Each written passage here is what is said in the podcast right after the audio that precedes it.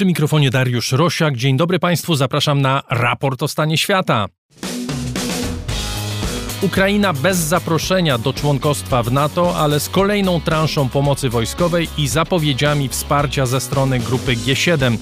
Turcja deklaruje zgodę na członkostwo Szwecji w NATO, a sojusz traktuje Rosję jako największe zagrożenie dla siebie i wraca częściowo do strategii obronnej z czasów zimnej wojny.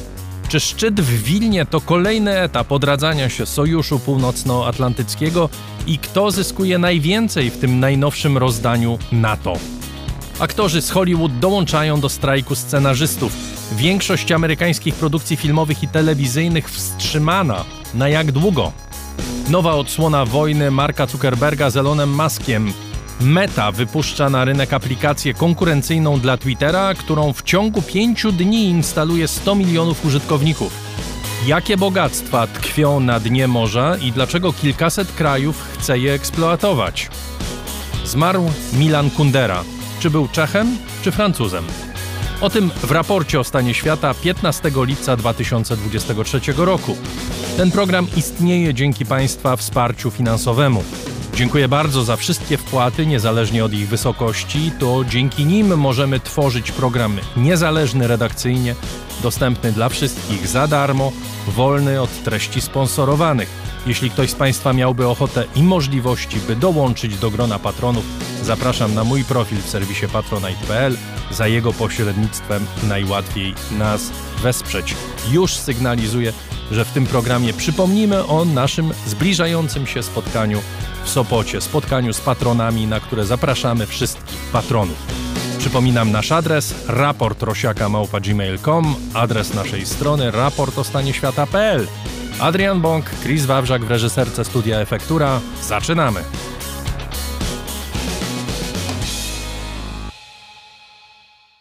Zaczynamy od szczytu NATO, który odbył się w tym tygodniu w Wilnie. Ogromne oczekiwania mu towarzyszyły, zwłaszcza ze strony Ukrainy, która liczyła na deklarację w sprawie terminu jej członkostwa w sojuszu.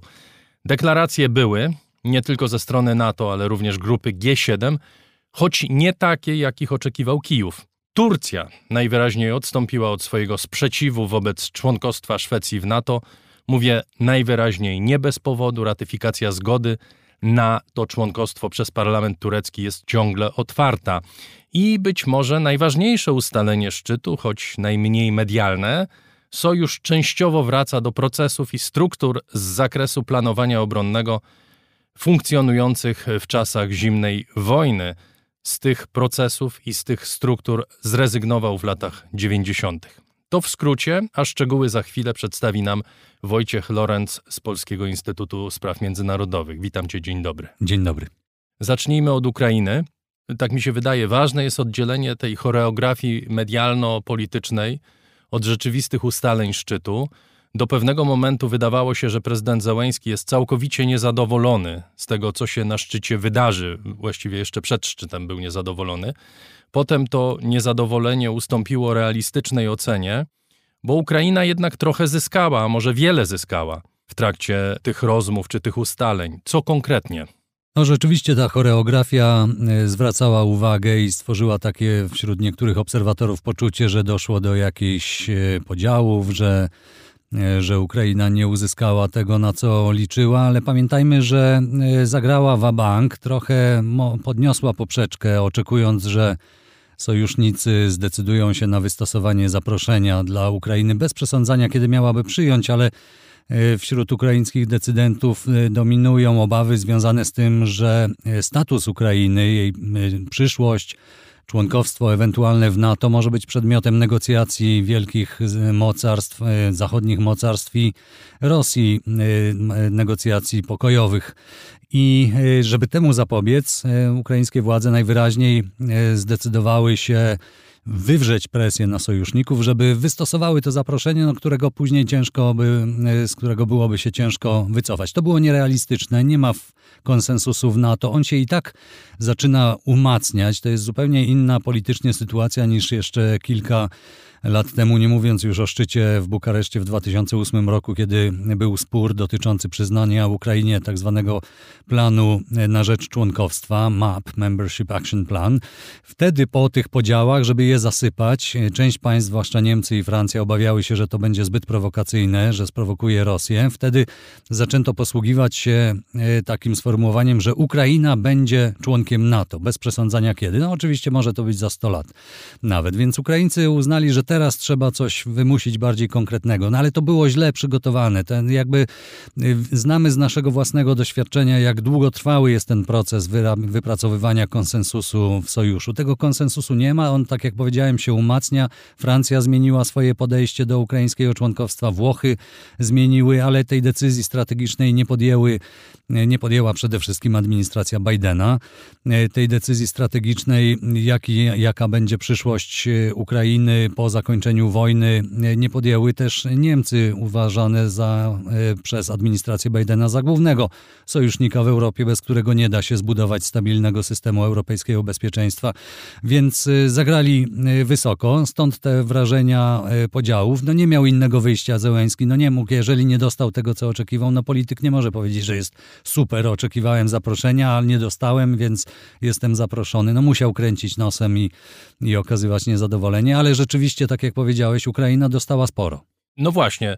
Jakie znaczenie ma to, że ten proces nie będzie dwuetapowy, tylko będzie jednoetapowy? Bo mówi się o tym, że ten proces będzie pozbawiony jednej z dróg, które właściwie każdy kraj musiał przejść. To jest takie działanie polityczne, y, przede wszystkim ma to znaczenie polityczne, czyli można po pierwsze pokazywać, że skoro Ukraina dostała obietnicę, że nie będzie musiała przechodzić przez ten plan działań na rzecz członkowstwa, no to ma taki sam status jak Szwecja i Finlandia, które zostały przyjęte, zaproszone do sojuszu bez przechodzenia przez ten e, mechanizm. Po drugie, można pokazywać, że w takim wymiarze symbolicznym zasypywane, zapomniane e, zostaje e, ten spór z 2008 roku w Bukareszcie, kiedy Ukraina nie dostała tego Membership Action Plan i no, w zasadzie ten, stała się ta decyzja już toksyczna, więc wyrzucamy tą debatę już do kosza. Nie będzie trzeba jej podejmować po, raz kolejny. Natomiast też, żeby w ogóle przyznać ten program, no niezbędny jest konsensus w sojuszu, więc skracamy ten etap zapraszania Ukrainy, tych procedur, do których e, konieczne jest wypracowywanie konsensusu, e, o jeden element zmniejszamy, więc rzeczywiście formalnie droga się skraca. Natomiast sojusznicy jedno, e, jednocześnie i jednoznacznie zastrzegli, że Ukraina i tak musi przejść przez, dokonać niezbędnych reform demokratycznych i sektora bezpieczeństwa, a zaproszenie zostanie wystosowane wtedy, kiedy w sojuszu będzie zgoda, czyli to był jasny sygnał, że tego konsensusu ciągle, ciągle nie ma. No i oczywiście podstawowy warunek to jest zakończenie wojny. No nie można przyjąć do NATO kraju, który prowadzi wojnę.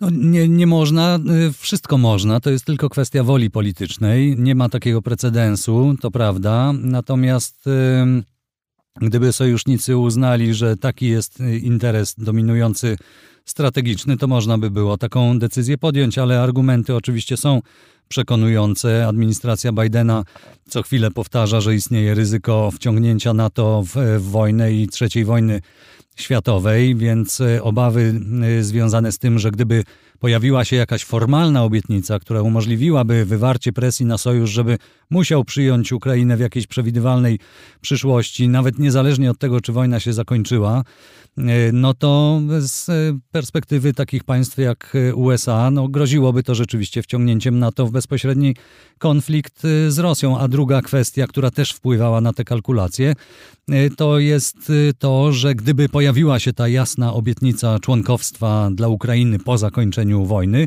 że to pozbywało, pozbawiałoby Rosji, e, nawet tych, którzy chcą tą wojnę zakończyć, jakiego, jakiejkolwiek zachęty, żeby prowadzić negocjacje i zakończyć konflikt. Więc można się o to spierać. E, ja oczywiście uważam, że nie jest za dobrze, że wysyłany jest ten sygnał taki, że Zachód y, ciągle nie opowiedział się jasno, albo przynajmniej wyraźniej niż do tej pory w sprawie potencjalnego przyszłego członkostwa Ukrainy w sojuszu. To może być interpretowane przez Rosję jako przejaw słabości, jako skuteczność ich e, gruźb, w tym nuklearnych, pod adresem e, Zachodu, ale z drugiej strony tamte argumenty też e, brzmią całkiem wiarygodnie i stąd tak trudno było wypracowanie jakiegoś rozsądnego konsensusu. Deklaracja ze strony G7 o takiej wielopłaszczyznowej pomocy dla Ukrainy to jest czasem przedstawiane jako gwarancję bezpieczeństwa. Chyba nie do końca tak jest. W każdym razie, czy to jest e, coś, co dla Ukrainy może stanowić jakąś namiastkę tego, co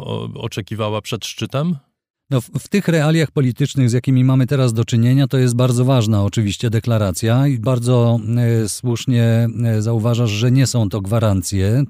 E, nawet w tych sformułowaniach używanych przez państwa G7 pojawiają się słowa commitments przede wszystkim, czyli to są pewnego rodzaju zobowiązania. No jaka jest różnica? No powiedzmy sobie w uproszczeniu takie, że gwarancje się wiążą z tym, że jak jesteś zaatakowany albo grozi ci możliwość ataku, no to sojusznicy wysyłają wojska na, do, na twoje terytorium i razem walczycie z przeciwnikiem. W tych obietnicach tutaj składanych przez G7 tego mechanizmu nie ma. Jest e, zapewnienie o długofalowym wsparciu w sprzęcie i uzbrojenia dla Ukrainy i jest obietnica e, zwiększenia tego wsparcia w przypadku wznowienia rosyjskiej e, agresji. Są jeszcze inne elementy, mechanizmy konsultacji współpraca e, wywiadowcza. To wszystko można oczywiście przedstawiać jako pewnego rodzaju gwarancje bezpieczeństwa, no ale, ale formalnie to nie są formalnie gwarancje. nie są, nie są gwarancje. Ma to wysłać przede wszystkim sygnał do Rosji i do Ukrainy, ale przede wszystkim do Rosji, że Zachód jest gotowy na to wsparcie dla Ukrainy długofalowe, że Rosja nie przeczeka do następnych wyborów prezydenckich i, i, i, że może liczyć, że dojdzie do jakiejś zmiany w polityce Zachodu, że nie zamieni tej wojny, nie opłaca się jej zamienić tej wojny w konflikt na wyczerpanie, że po stronie Zachodu jest determinacja i gotowość do udzielania Ukrainie wsparcia w długiej perspektywie, nawet jeżeli nie ma warunków do przyjęcia jej do NATO i, i udzielenia tych formalnych gwarancji bezpieczeństwa w ramach artykułu 5. Ale trzeba sobie zdawać z tego sprawę, że no, tutaj trzeba będzie przekonywać Amerykanów i Niemców, że te takie obietnice bezpieczeństwa, w cudzysłowie jakieś takie proteza gwarancji, to będzie o wiele kosztowniejsze i bardziej ryzykowne niż przyjęcie Ukrainy do, do NATO. No jednak historia pokazuje, że Rosja nie zaatakowała nigdy państwa członkowskiego, że te kwestie oczywiście, że Ukraina prowadzi wojnę, że nie wiadomo jakiego terytorium należałoby bronić. To wszystko by trzeba było jakoś ustalić i to jest też istotne, ale, ale takie e, pośrednie te zapewnienia bezpieczeństwa mogą niestety zachęcać Rosję i moim zdaniem będą zachęcać Rosję do testowania ich wiarygodności. Jeżeli Stany Zjednoczone rzeczywiście będą w końcu zaangażowane w konflikt w Indo-Pacyfiku, no to Rosja może rzucić wyzwanie znowu e, Zachodowi poprzez wznowienie agresji na pełną skalę na, na Ukrainę i wtedy się okaże, na ile te obietnice są skuteczne, są wiarygodne. Może dojść do podważenia i wiarygodności USA i osłabienia wtedy wiarygodności NATO, więc to, to jest niestety przepis no, w obecnych realiach politycznych jedyne prawdopodobnie możliwe do osiągnięcia rozwiązanie i z tego względu y, korzystne dla, dla Ukrainy, ale wcale nie zmniejsza ryzyka, że, że Rosja wznowi konflikt w przyszłości. I jak słusznie zauważasz, na osłodę kolejne deklaracje w sprawie pomocy y, wojskowej, wieluset milionowe, to jest rzeczywiście bardzo silne zaangażowanie Zachodu. Ciągle za mało, ciągle za wolno z punktu widzenia Ukraińców, ale znowu w obecnej sytuacji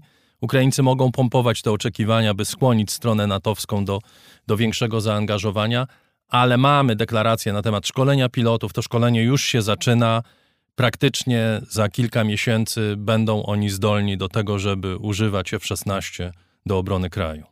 To są bardzo ważne, oczywiście, deklaracje, zarówno jeśli chodzi o szkolenie pilotów, zarówno jeśli chodzi o przekazywanie tych zdolności do uderzeń z, wie, z, wie, z większych odległości. Francja zapowiedziała przekazanie rakiet y, Scalp, a więc to już razem z tymi rakietami Storm Shadow przekazanych przez Wielką Brytanię daje jakąś możliwość atakowania tych ośrodków logistycznych, centrów dowodzenia odsuniętych od, od frontu i może wzmacniać zdolność do prowadzenia kontrofensywy, ale trzeba sobie zdawać sprawę tutaj z jednego. Ja taką, żeby mieć dobrą, dobre porównanie, jak siły koalicji pod przywództwem USA, przede wszystkim amerykańskiej, w czasie I wojny w Zatoce przygotowywały się do pokonania armii Saddama Husajna, to siły powietrzne przeprowadziły około 100 tysięcy nalotów, 100 tysięcy misji, żeby można było osłabić wojska lądowe i żeby można było potem przy minimalizowaniu strat własnych prowadzić ofensywę. W czasie II wojny w Zatoce e, Perskiej, wojny w Iraku,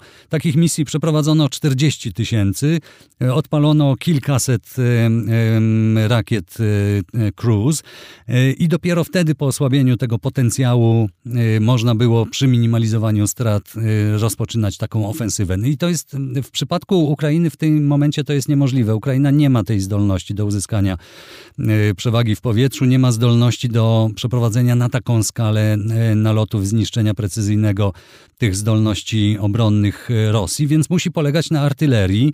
Ma trochę tych rakiet dalszego zasięgu, no ale to są rzeczywiście niewielkie ilości, bo też państwa zachodnie ich nie mają za dużo.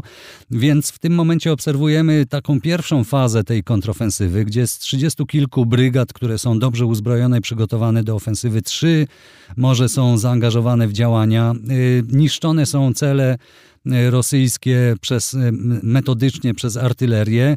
Te trzy zaangażowane w walkę brygady badają, gdzie są słabe punkty, i to tak może trwać tygodniami, a być może nawet miesiącami, bo, jeszcze ze względów politycznych Ukraina wie, że były rozbudowane oczekiwania dotyczące kontrofensywy, że musi być sukces. Niezależnie od tego, czy będzie sukces, czy go nie będzie, to po tej kontrofensywie trzeba przystąpić do negocjacji z Rosją. Więc tutaj nawet politycznie widać, że nie ma powodu do tego, żeby, żeby jakoś strasznie szybko e, tą, tą kontrofensywę prowadzić i może ona trwać miesiącami, a nawet być przeciągana do aż po wyborach e, amerykańskich. Ta kontrofensywa może się zamienić w stały element tej, e, tej wojny. E, no ale żeby ją rzeczywiście prowadzić przy maksymalnym minimalizowaniu tych strat po stronie Ukrainy, to musi dostać i systemy obrony powietrznej przeciwrakietowej, co zapowiedziały przekazanie kolejnej baterii Niemcy, baterii Patriot, więcej rakiet dalekiego zasięgu, i w końcu być może e, samoloty F-16, zachodnie lotnictwo.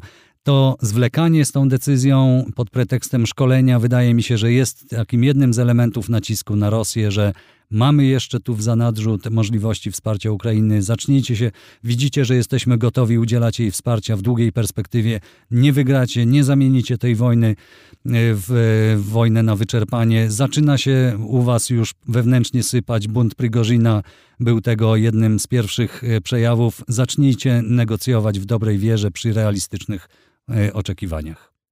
Porozmawiajmy o członkostwie Szwecji. NATO, jak każdy sojusz, to jest y, wspólnota, ale z drugiej strony to jest miejsce, gdzie różne kraje rozgrywają, realizują własne interesy.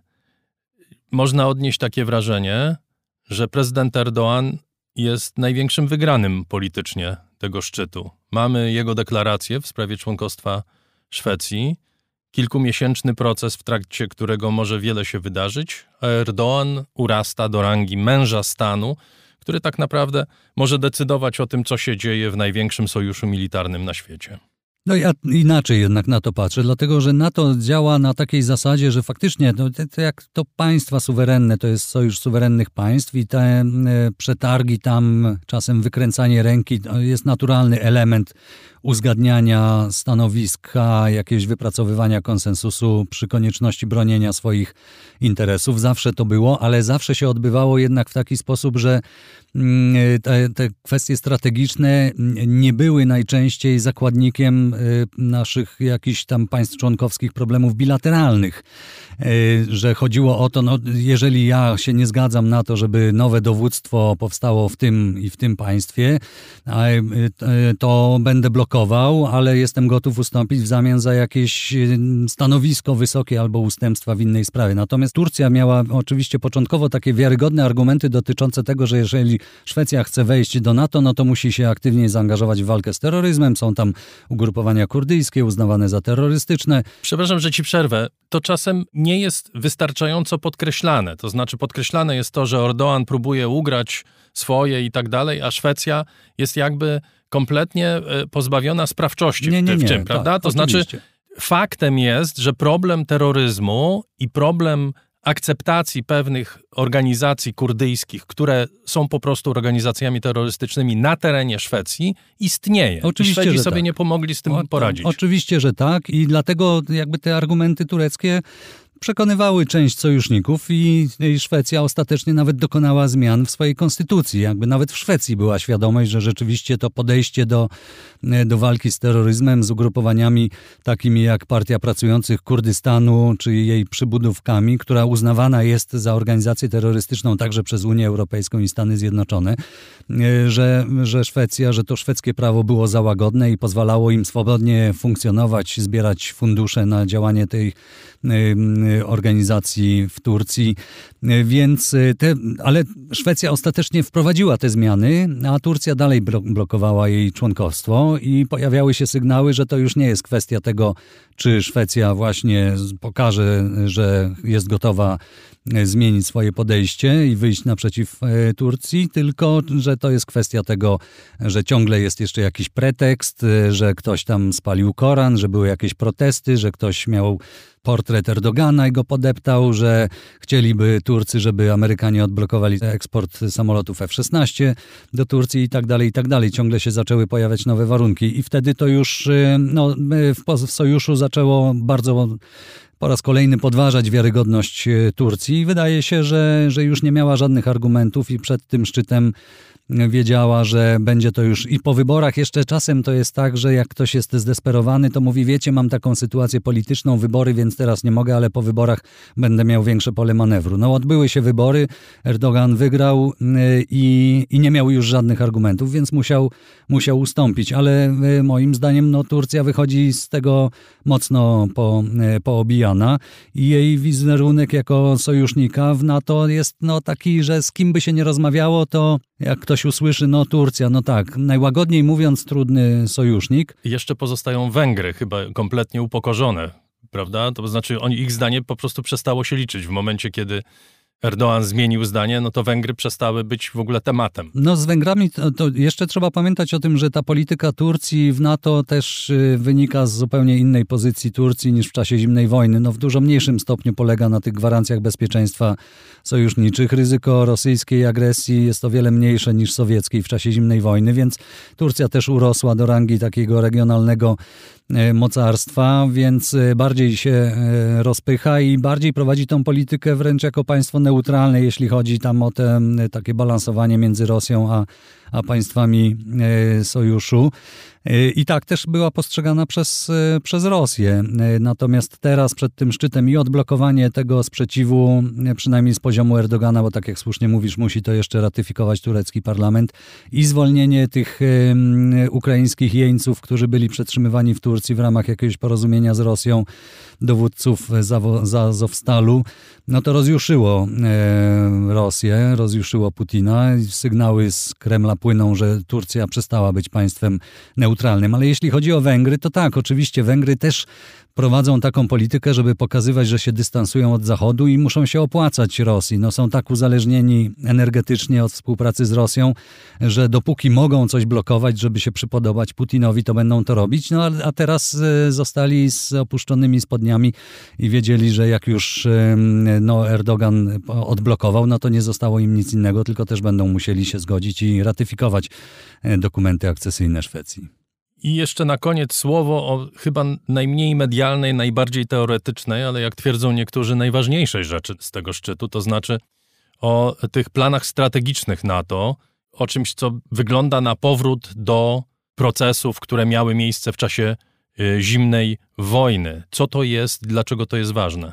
To jest najważniejsza rzecz tego szczytu. Tak jak zacząłeś tą rozmowę, oczywiście skupialiśmy się na kwestii Ukrainy, ale ten szczyt to jest pierwszy szczyt od y, poprzedniego, na którym została przyjęta nowa strategia. Oczywiście eksperci wiedzieli, że już w 2019 była przyjęta nowa strategia militarna, teraz w zasadzie dostała taką nadbudowę polityczną, no ale bez zgody politycznej, bez konsensusu politycznego. Strategia militarna to jest tylko papierek, y, gdzie wojskowi mogą się ekscytować, czytając, jak fajnie sobie tam rozrysowali, co trzeba robić, ale nie ma, jak nie ma zgody politycznej, że trzeba inwestować w rozwój odpowiednich zdolności, no to niewiele, na niewiele taka strategia się zda. Natomiast w Madrycie przyjęto nową strategię, która jasno wskazuje, że Rosja jest największym zagrożeniem militarnym dla NATO.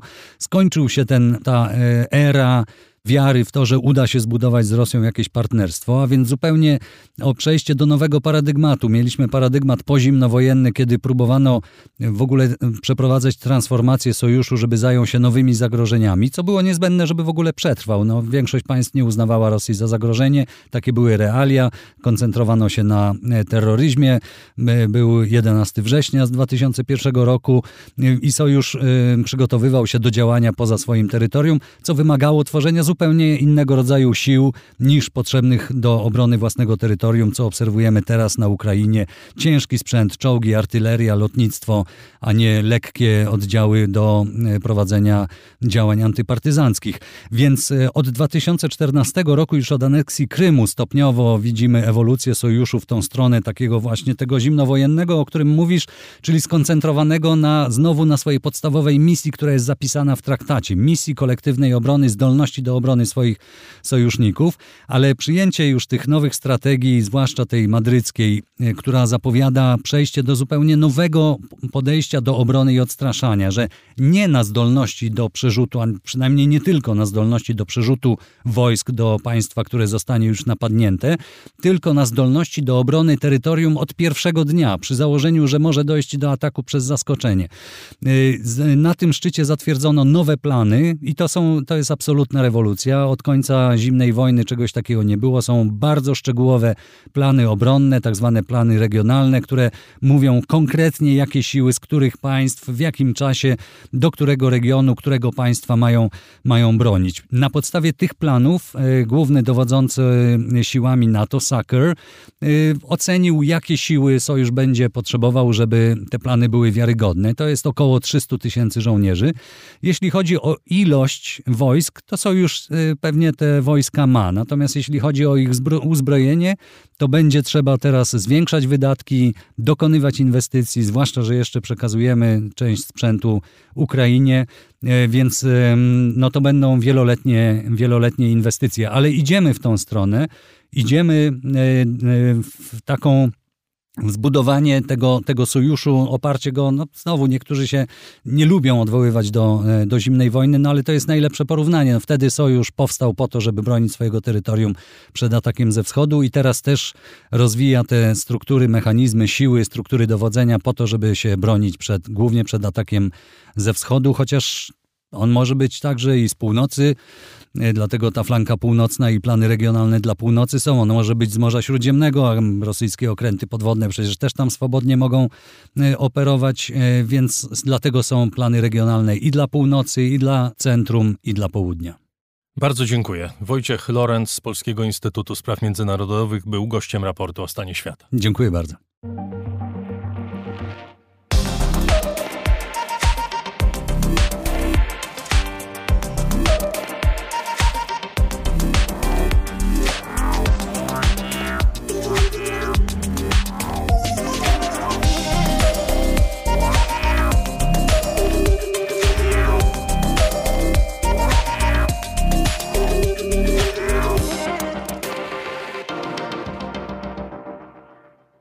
Ponad 100 milionów użytkowników zarejestrowało się w aplikacji Threads, nowym produkcie firmy Meta.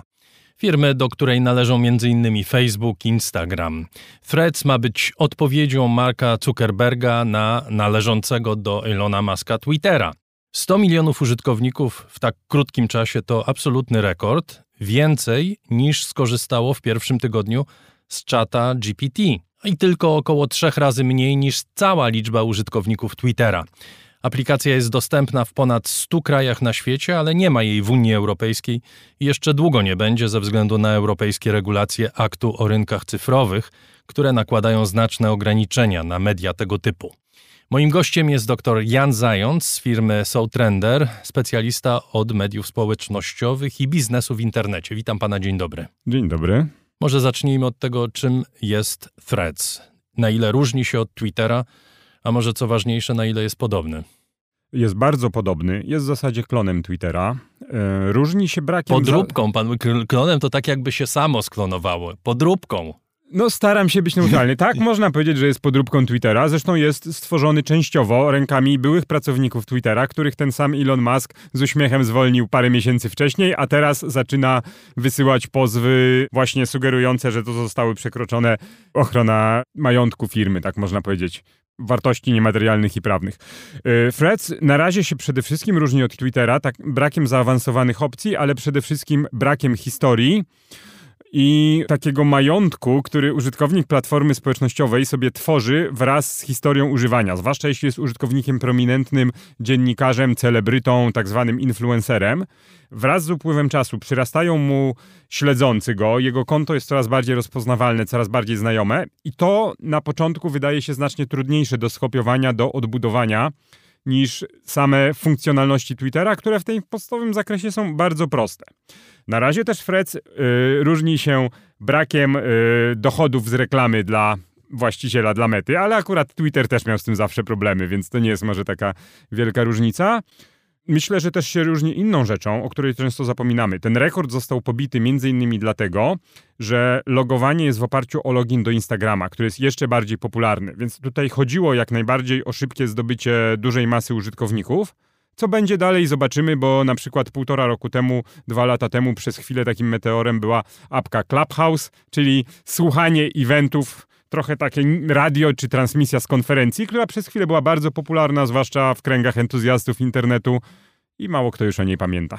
Jedno z rzeczywiście z takich oskarżeń, które się pojawia bardzo często, y, nie tylko w ustach Ilona Maska, ale w ogóle obserwatorów, to jest to, że Zuckerberg skopiował Twittera, tylko gorzej to zrobił, co nie byłoby pierwszym tego typu zabiegiem ze strony Marka Zuckerberga, bo przecież stories są ze Snapchata, Reels, TikToka, prawda? To jest sposób, w jaki funkcjonuje Mark Zuckerberg w tej chwili?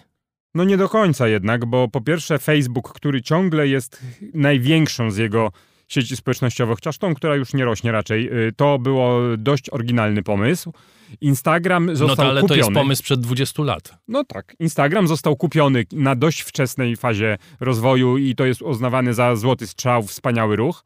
Można też powiedzieć, był taki serwis Google Plus parę lat temu. Kilkanaście lat temu eksperci tutaj wieszczyli wiemu wielki sukces, on potem został zamknięty i Google Plus był kopią części Facebooka dla ludzi, którzy nie lubili Facebooka. Teraz można powiedzieć, że Threads jest kopią części Twittera dla ludzi, którzy nie lubią Twittera i trudno powiedzieć, jaka jeszcze inna potrzeba miałaby za tym stać, tylko że konkurencja jest bardzo słaba. W sensie Twitter i się wikła w swoje problemy, które sam sobie tworzy, później je bohatersko rozwiązuje albo i nie. No właśnie, głosy są podzielone y, na temat tego, jak ta apka będzie funkcjonowała, bo niektórzy mówią, że Twitter, jeśli w ogóle jest popularny w niektórych środowiskach, to właśnie dlatego, że jest taki, jaki jest. Te problemy, które sobie tworzy, że jest pełen tych strasznych treści, tej nienawiści, tego witriolu, tej żółci, która się wylewa czasami z Twittera, że jest kierowany przez nieprzewidywalnego właściciela, wywołuje złe emocje. Jeśli ktoś wchodzi na Twittera, to po to, żeby być w tym otoczeniu. Najwyraźniej dobrze się z tym czuje. Threads ma być filozoficznie zaprzeczeniem tego, to znaczy to być takie, ma, ma, takim miłym miejscem być, tak samo jak zresztą Facebook na samym początku miał być miłym miejscem, gdzie się wymieniamy zdjęciami, a tutaj ma być miłym miejscem, gdzie jest, i właśnie jeśli jesteś zmęczony tym napięciem, które generuje Twitter, to przyjdź na Threads. Ale po co ludzie mieliby na, na to przychodzić? No to myślę, że w tę wizję, którą pan zaprezentował, to nikt rozsądny raczej nie wierzy. Raczej wszystko, może nie wszystko, ale duża część problemów Twittera związanych z emocjami, nienawiścią, podżeganiem, fałszowaniem kont pewnie będzie też przeniesiona i będzie dość podobnie na Freds. Może trochę lepiej. I to myślę, że to nie jest kwestia tworzenia lub nie nowych apek, ale to jest kwestia regulacji oraz tego, że w związku z chwilowym kryzysem w branży technologicznej wszyscy giganci, nie tylko Meta, nie tylko Twitter, w ciągu ostatniego roku przycięli bardzo dużo etatów właśnie w obszarze zajmującym się czyszczeniem treści, mówiąc tak bardzo oględnie. Więc yy, tak naprawdę te problemy, które były, one zostały zwielokrotnione w ostatnich miesiącach, po prostu w każdej z dużych firm, czy to Facebook, czy Google, czy Twitter, czy jeszcze jakaś inna, mniej osób zajmuje się tym czyszczeniem, które i tak było de facto niewydolne. A na ile to jest zagrożenie dla istnienia tego typu mediów? Właśnie w związku z tym, że no coraz mocniej one jednak są regulowane. Na poziomie Unii Europejskiej są regulowane. To, że Threads nie ma w Unii, to nie jest przypadek. To znaczy, no to jest z ich pers perspektywy gigantów technologicznych, to jest po pierwsze jakiś tam procent pozycji kosztowej, który jest na pewno do przeżycia, mają się czym dzielić. I po drugie, no to jest kolejny argument, żeby tę Unię Europejską póki co traktować jako nie najważniejszy rynek, ale zarazem ona jest zbyt duża, żeby w ogóle z niej zrezygnować. To już od ładnych paru lat jeżdżąc do Stanów można zaobserwować. Z perspektywy amerykańskiej Europa jest stosunkowo mało istotną częścią świata już w tej chwili dla większości biznesów. Nie mówię już w ogóle o Europie Środkowo-Wschodniej, bo to jest w ogóle praktycznie pomijalne. Dla nich jednak centrum świata od paru lat to jest strefa Azji i Pacyfiku, gdzie mieszka znacznie więcej ludzi, gdzie y, wiele krajów się szybko rozwijało, gdzie wreszcie tam się tkwi zarzewie konfliktu amerykańsko-chińskiego, który wygląda, że też na wiele lat nam świat umodeluje. A po co w ogóle Zuckerbergowi ta aplikacja? Finansowo to jest chyba bez sensu totalnie. No, Twitter w czasach, kiedy był publiczną spółką i wiadomo było, jakie są jego dochody, to były dochody na poziomie 5 miliardów dolarów. Meta zarabia 100 miliardów rocznie. Po co w ogóle się w to bawić? No to tak, po pierwsze myślę, że dla każdej firmy zawsze szansa na zwiększenie przychodów choćby o 5% to jest już dość duży ruch strategiczny. Po drugie... Przy to, niewielkich że... nakładach jeszcze niewiel... dodajmy, prawda? Bo to nie jest żaden tam metavers, tylko, tylko po prostu parę osób usiadło i to zrobiło. No, to myślę, że to było bardziej skomplikowane, ale tak, z perspektywy właśnie y, środków, które były ponoszone na rozwój metaversu, to rzeczywiście są niewielkie nakłady. Po drugie, myślę, że bardzo się no generalnie, pan, łatwo jest skrytykować Twittera, jaki to był zły model biznesowy, no ale pamiętajmy, to jest aplikacja mająca kilkanaście lat, starsza od Facebooka, mająca te setki milionów użytkowników, zaspokojąca konkretną potrzebę, która stworzyła jakiś mikroświat. Pewnie mogłaby ta firma mieć wyższe zyski i wyższe przychody, pewnie mogła być lepiej zarządzana na lata, ale generalnie to jednak jest sukces. Znacznie więcej aplikacji w międzyczasie powstawało, upadało, nigdy nie doszło do tego poziomu. Więc gdyby nawet stworzyć biznesowo to samo drugiego Twittera, czy nawet pół Twittera, to i tak to będzie duży sukces i no, Facebook był do tej pory dość efektywny, jeśli chodzi o, tak brzydko mówiąc, monetyzację użytkowników, uzyskiwanie przychodów, więc prawdopodobnie i z tym sobie poradzi. Ale to też chodzi trochę o odciągnięcie użytkowników i reklam z Twittera, no bo to jest bezpośrednia konkurencja. Jest, aczkolwiek to jest dużo mniejsza konkurencja i tak jak powiedziałem, mało efektywna i tam w poszczególnych segmentach to jednak ta reklama twitterowa to była albo globalni gracze, którzy mogli być wszędzie, albo dość specyficzne segmenty, które niekoniecznie się na Facebooku reklamowały. Natomiast myślę, że też jest to taki krótkookresowo bardzo istotny ruch, no bo Facebook, jak każda wielka korporacja, korporacja giełdowa, musi się rozwijać, musi pokazywać, że robi coś nowego. Zwróćmy uwagę, jak wiele tam było zmian strategicznych w ostatnich latach. Czyli został y, zbudowany wielki i bardzo efektywny biznes, oparty najpierw o Facebooka, później także Instagrama, o czas użytkowników, bezpłatne aplikacje, które de facto nie są bezpłatne, bo my jako użytkownicy płacimy naszym czasem, naszą uwagą i wyświetlanie im reklam. Teraz są trochę cięższe czasy, więc ten model reklamowy już nie jest taki prosty, taki łatwy. W międzyczasie yy, została zmieniona nazwa firmy na Metę, żeby podkreślić pivot. Został zadeklarowany tak zwany pivot w kierunku metaversu w oparciu o technologię Oculusa który pochłonął bardzo duże środki. Ciężko powiedzieć, czy coś z tego wyszło, chyba nie bardzo. Niedawno została ta strategia zrewidowana pod wpływem nacisku y, akcjonariuszy, którzy wezwali Zuckerberga jako prezesa firmy do pewnych działań, do zredukowania kosztów, przycięcia dużej liczby etatów, co zostało zrobione, do inwestowania znacznie niższych środków w R&D, zwłaszcza właśnie metaversu i to też zostało zrobione. Nagle wyniki Facebooka się bardzo poprawiły, zarówno wyniki, jak i kurs jego dzisiaj versus to, co było rok temu, to jest niebo i ziemia. Bardzo duża zmiana, pomimo ogólnie gorszej koniunktury na rynku reklamowym. No i w tym momencie Zuckerberg jeszcze kolejny cios zadaje, pokazuje, że ma coś nowego, pokazuje coś nowego, no i rzeczywiście trochę punktuje tutaj Yy, zarówno Twittera, jak i osobiście Ilona Maska. No i to jest pewnie ta najciekawsza wersja, która jest trochę spekulatywna, ale że to jest też walka gigantów nie tylko między firmami, ale też między znanymi prezesami. Zresztą o walce również się mówi w kontekście walki wręcz. No właśnie, tak. Słyszeliśmy o tym, że mają wystąpić w klatce wspólnie. Nie wiem, czy to jest dowcip, czy to, czy to jest poważne rzeczywiście zamierzenie, ale na ile to jest y, osobista rozgrywka między y, obu tymi panami? Tak trochę chyba. Wie pan, wydaje mi się, że bardzo y, prezesi dużych firm czy firm technologicznych to są trochę tacy bohaterowie, generałowie naszych czasów. I media bardzo lubią kreować taką wizję, że prezes y, jest utożsamiany z firmą, że on tutaj jednoosobowo steruje, podejmuje decyzje. To chyba tak do końca nie jest, zwłaszcza jak to jest spółka giełdowa, gdzie jednak jest wielu interesariuszy i akcjonariusze też mają coś do powiedzenia. Ale rzeczywiście ci znamy tych prezesów największych spółek technologicznych, mamy jakieś wyobrażenie o Ilonie Masku, wcześniej o Steve'ie Jobsie, może nawet o Billu Gatesie, który nie był aż tak charyzmatyczny. I rzeczywiście fajnie jest tutaj sprowadzić jakąś tam y, zmagania strategiczne między firmami, gdzie nie tylko Meta z Twitterem, ale jeszcze jest y, w szerszej perspektywie Google, Apple, Amazon, parę innych firm, które są gigantyczne i które na różnych polach z sobą konkurują. Fajnie jest to sprowadzić do rywalizacji prezesów, do dwóch zupełnie różnych osobowości. Mark Zuckerberg jest zupełnie inny od Muska jako osoba, do tego, że może oni rzeczywiście naprawdę pobiją się, dadzą sobie po mordzie w klatce i cały świat będzie na to patrzył. No niestety jeden będzie musiał przegrać, więc może na sam koniec zrozumieją, że to dla któregoś z nich nie jest dobry pomysł. Oni są bardzo innowacyjni, więc być może wymyślą taki schemat, w którym obaj którym wygrają. Będzie, będzie remis. Wiele tak. razy tak było. Ze wskazaniem. Ze wskazaniem.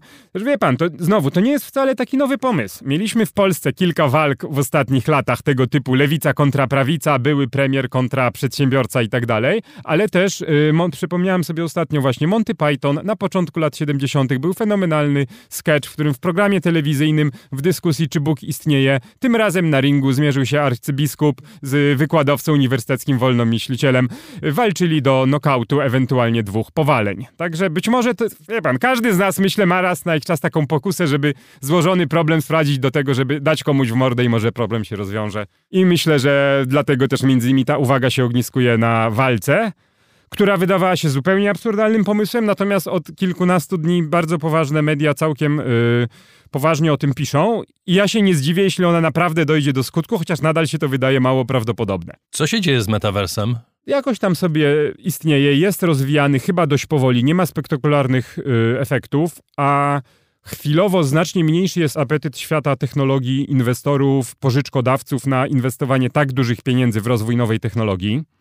Uwaga, metaverse nie jest już the next big thing. Next big thing jest w tej chwili AI czy generative AI i tam się uwaga świata skupiła. I też każdy z gigantów ma bardzo duże osiągnięcia w rozwoju modeli sztucznej inteligencji, robią to na własne potrzeby, czasem coś udostępnią komu innemu.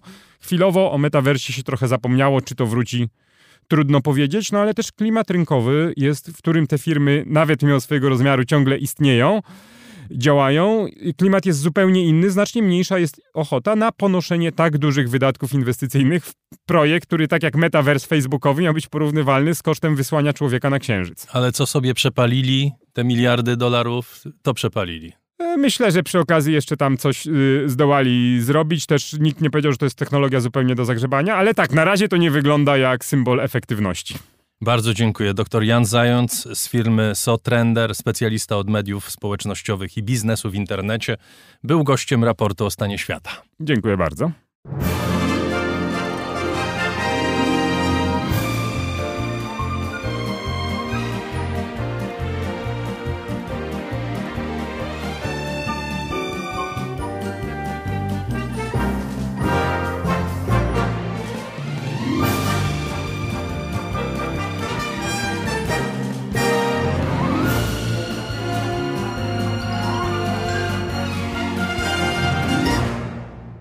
Ważne rzeczy dzieją się w Hollywood i o nich za chwilę porozmawiamy, ale wcześniej jedna, również ważna wiadomość dla Państwa. Być może zauważyliście, że nieco inna oprawa muzyczna niż zwykle towarzyszy nam dziś w programie.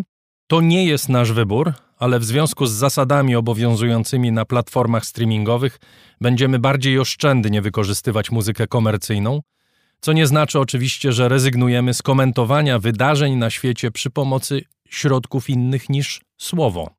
Chcemy, by raport o stanie świata był dla Państwa najbardziej atrakcyjny, również w warstwie dźwiękowej, dlatego że wszystko, co robimy, ma służyć temu, by był to po prostu najlepszy program na świecie. Dlatego że słuchacze raportu właśnie na taki zasługują.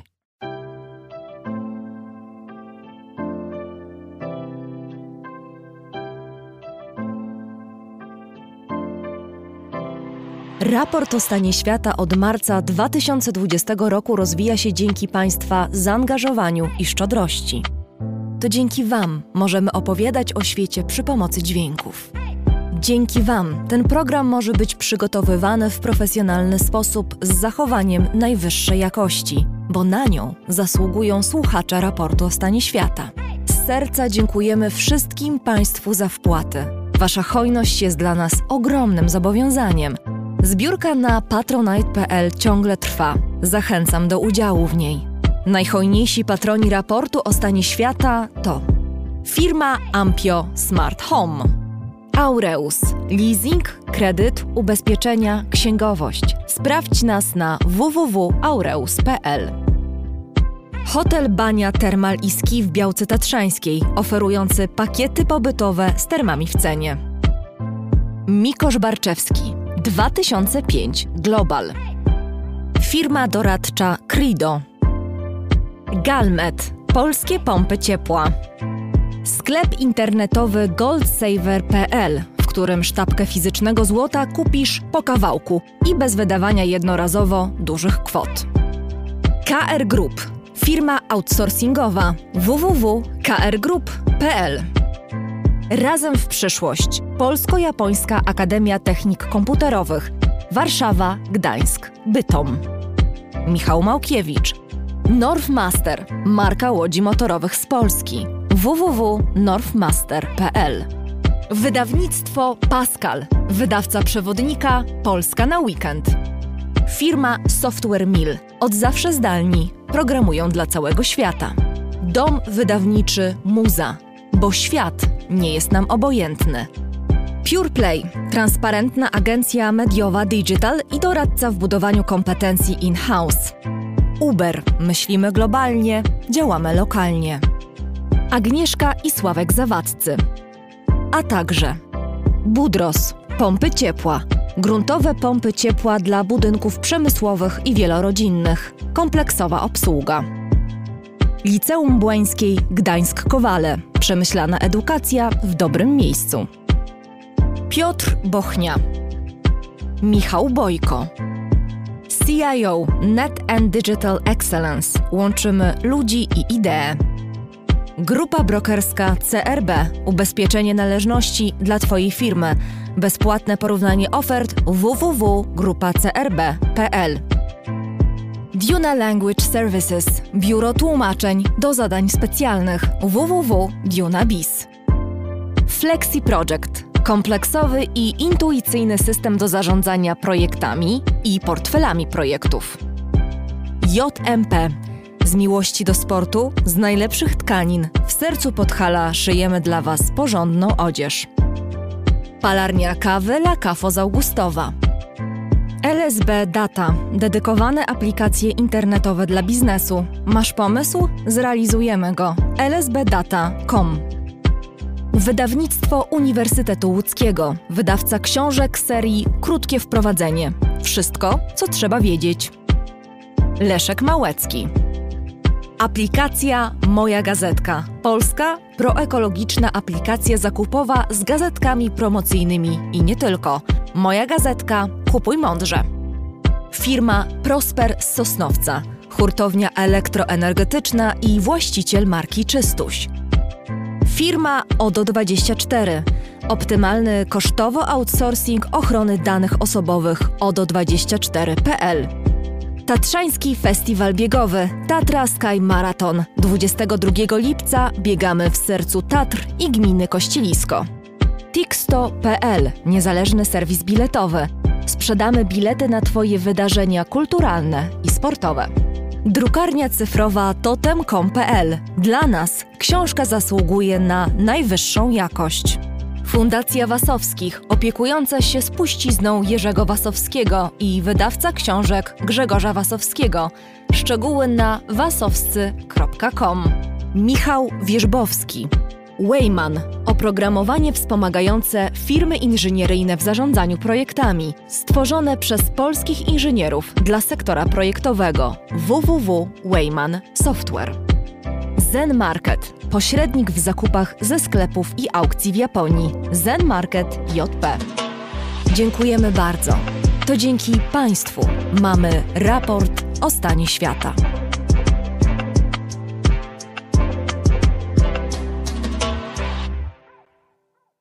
Amerykańscy aktorzy dołączają do prowadzonego od kilku miesięcy strajku scenarzystów w Hollywood, co oznacza, że największa branża rozrywkowa na świecie znalazła się w poważnych tarapatach. Około 160 tysięcy artystów zaprzestało pracy od północy z czwartku na piątek, a sygnał wymarszu dały gwiazdy filmu Oppenheimer Christophera Nolana podczas premiery filmu w Londynie Cillian Murphy, Matt Damon i Emily Blunt opuścili kino Odeon przy Leicester Square w Londynie, gdy ogłoszono strajk. Twórcy seriali i filmów domagają się lepszych warunków pracy i lepszych regulacji dotyczących sztucznej inteligencji. Dlaczego w czasach, gdy nowe seriale i filmy na platformach streamingowych i w serwisach VOD powstają jak grzyby po deszczu, ich twórcy zarabiają coraz mniej? I czy w ogóle będą jeszcze w niedalekiej przyszłości potrzebni, skoro scenariusze może pisać sztuczna inteligencja, a jak będzie trzeba, to i zagra główną rolę w filmie. Relacja Adriana Bąka. Hey y'all, it is day 51 of the writer's strike, and today we are holding a massive rally on the streets of Los Angeles. To 51. dzień strajku scenopisarzy. Dziś organizujemy masowy wiec na ulicach Los Angeles. Tysiące scenopisarzy dołączyło do niego, ale także członków innych związków zawodowych. Wszyscy tutaj przyszli, bo wszyscy wiedzą, że nasza walka jest ich walką, bo wiedzą, że my też wstawimy się za nich, gdy im przyjdzie walczyć o swoje prawa w najbliższych latach. Gdy jesteśmy razem, nikt nas nie powstrzyma.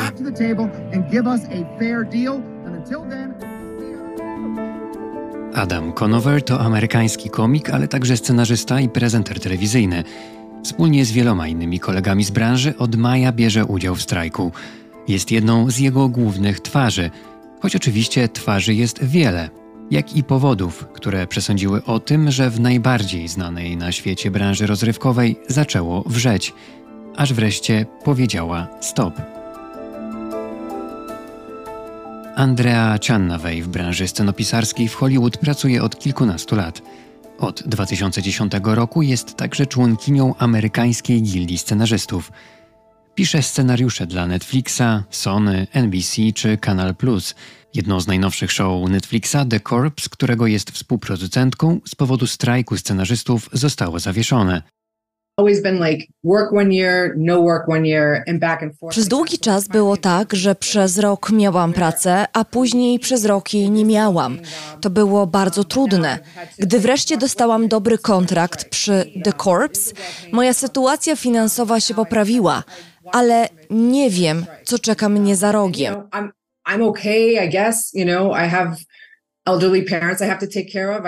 Mam starszych rodziców, którymi muszę się opiekować. Boję się o swoją przyszłość.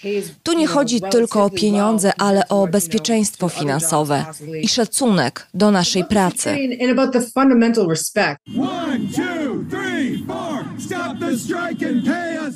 Ale walka scenarzystów i twórców filmowych o lepsze warunki pracy to nie tylko kilka ostatnich miesięcy. Sięga ona bowiem poprzedniego wieku, żeby tylko zatrzymać się w latach 80. czy 90.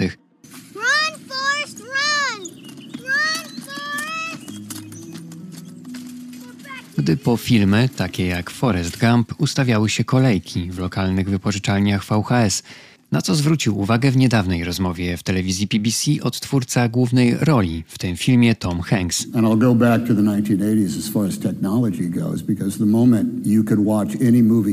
Mówiąc o tym, co teraz, trzeba wrócić co najmniej do lat 80., do rozwoju technologii. Wówczas zaczęły się czasy, gdy mogłeś obejrzeć każdy film, kiedy tylko chciałeś na kasecie VHS. To spowodowało ekonomiczny boom. Strumień przychodów popłynął do wytwórni. Produkowało się wszystko. Nawet jeśli film nie był dobry, i tak udało się sprzedać tysiące kopii na kasetach VHS. Tak zaczął się wielki biznes.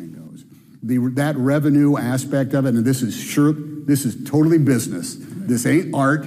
This is literally the bread and butter issues of how tu nie chodzi o sztukę, a o to, jak podzielić ten finansowy tort, tak żeby skorzystali też na tym ludzie, którzy są tak naprawdę odpowiedzialni za to, jak dobre są seriale i filmy.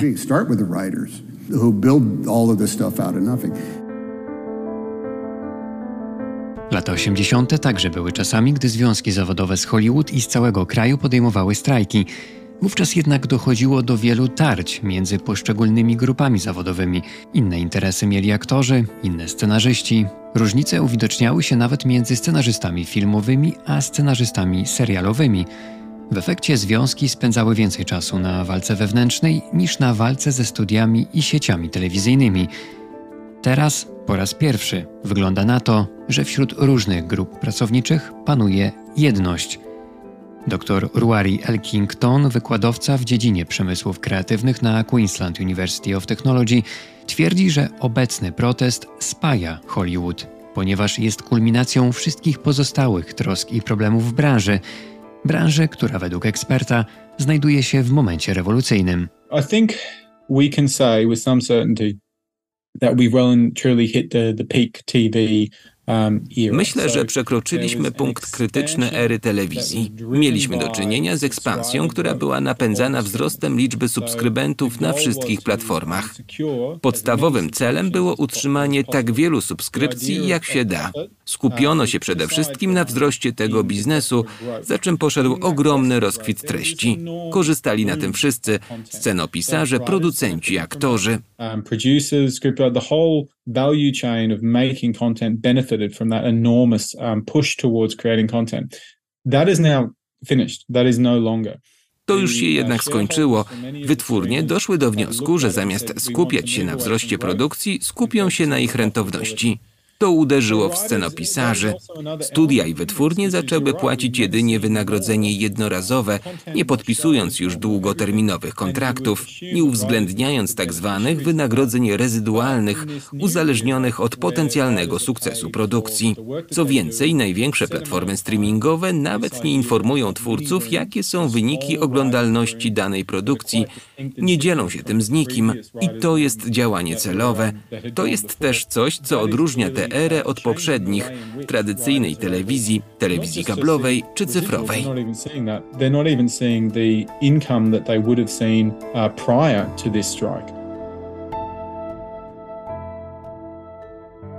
W dodatku, jak mówi Łukasz Muszyński, zastępca redaktora naczelnego z portalu Filmweb, Zmienił się także sam model produkcji, co w znaczący sposób wpłynęło na zarobki scenarzystów. Skrócono liczbę odcinków w sezonach, bo dzisiaj sezony seriali nie mają po 20 kilka odcinków, ale po 10, 8, czasami nawet jeszcze mniej, co automatycznie sprawia, że scenarzyści mają mniej pracy.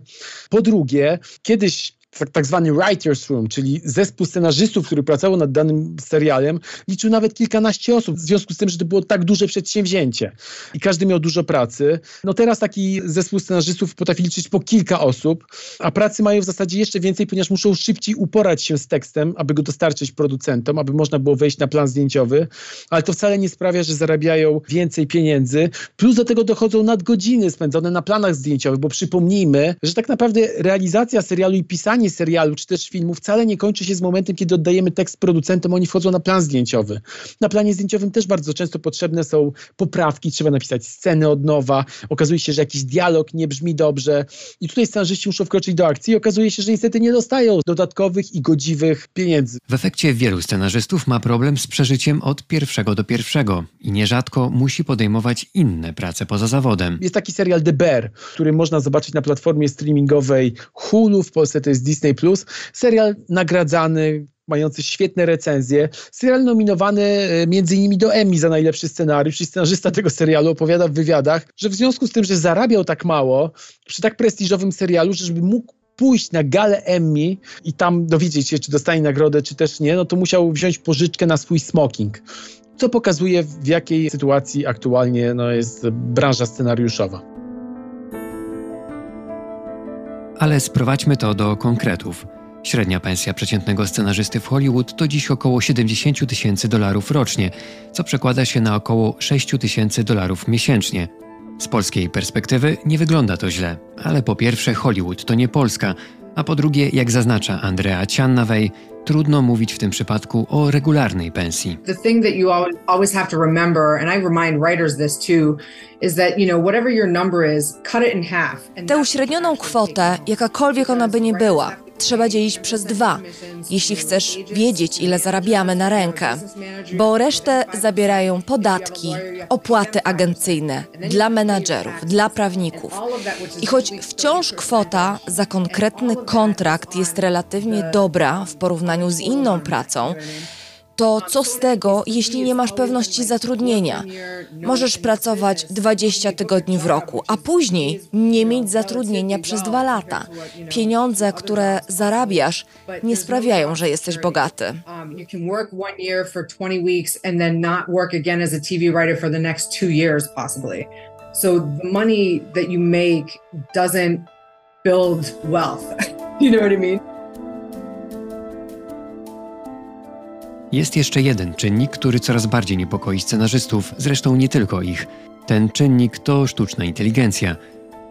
Gildia scenarzystów domaga się, aby amerykański sojusz producentów filmowych i telewizyjnych zakazał używania sztucznej inteligencji do pisania i przepisywania jakichkolwiek materiałów źródłowych, a także używania jej jako własnego materiału źródłowego oraz szkolenia modeli AI na twórczości scenarzystów. Producenci odrzucili jednak propozycję gildii i zaproponowali jedynie organizowanie corocznych spotkań w celu omówienia postępów technologii. Andrea Ciannawej twierdzi, że to absurd i że już niedługo sztuczna inteligencja może być sprawą kluczową, bo uderzającą w samą istotę pracy twórczej. Opowiadanie historii w każdej dziedzinie i formie, czy to jest telewizja, film, muzyka, książka, poezja, sztuka, wszystkie te rzeczy są stworzone po to, żeby odkrywać człowieka, jego życiowe doświadczenie, jego naturę. W taki sposób budujemy społeczność, zależności międzyludzkie, poprzez sztukę, poprzez kreatywność, poprzez opowiadanie historii. A teraz chce się zatrudniać do tego sztuczną inteligencję. Jak dla mnie, nie ma tu dla niej miejsca. Sztuczna inteligencja nie może budować relacji międzyludzkich, nie może opowiadać nam o człowieku, o jego śmiertelności, o tym, co sprawia, że jesteśmy ludźmi. Nie da się tego zastąpić, nie da się tego zaprogramować. Do strajku scenarzystów w czwartek dołączyli aktorzy, co jest kolejnym ciosem dla całej branży Hollywood. Ich żądania i oczekiwania są podobne do tych, które podnoszą scenarzyści. Poza wyższymi zarobkami chodzi o większą stabilność zatrudnienia i chyba przede wszystkim o ryzyka związane ze sztuczną inteligencją, a szczególnie nieautoryzowanym wykorzystaniem ich wizerunku przez AI, bo na razie wciąż jest mało regulacji w tym zakresie, mówi Miranda Banks, profesor studiów filmowych i telewizyjnych na Uniwersytecie Loyola Marymount w Los Angeles. You know, AI is existential. Uh, you know, if you are a voiceover actor, dla aktorów to jest sprawa egzystencjalna. Jeśli jesteś na przykład lektorem, przebywasz na planie kilka dni, perspektywa, że twój głos zostanie przetworzony przez sztuczną inteligencję i że ona cię zastąpi, jest niezbyt odległa i musi być niepokojąca. Inna sprawa, że sztuczna inteligencja może zastąpić nie tylko głos, ale i wizerunek aktora. To sprawia, że AI już jest zagrożeniem i już teraz może wpłynąć na pracę aktorów o wiele bardziej niż na pracę reżyserów czy scenarzystów. Premierę głośnego filmu Oppenheimer opuściły w tym tygodniu gwiazdy Killian Murphy, Matt Damon i Emily Blunt. Łącznie szacuje się, że pracę przerwie co najmniej 160 tysięcy aktorów. Z powodu strajków już stanęły prace nad wieloma produkcjami, nie tylko serialowymi, ale także pełnometrażowymi.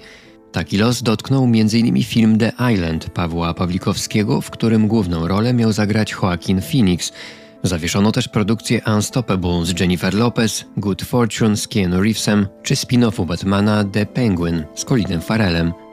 Strajk zapowiedzieli już też tacy aktorzy jak Meryl Streep, Jennifer Lawrence, David Duchowny, Kevin Bacon czy Rami Malek. Dla raportu o stanie świata Adrian Bong.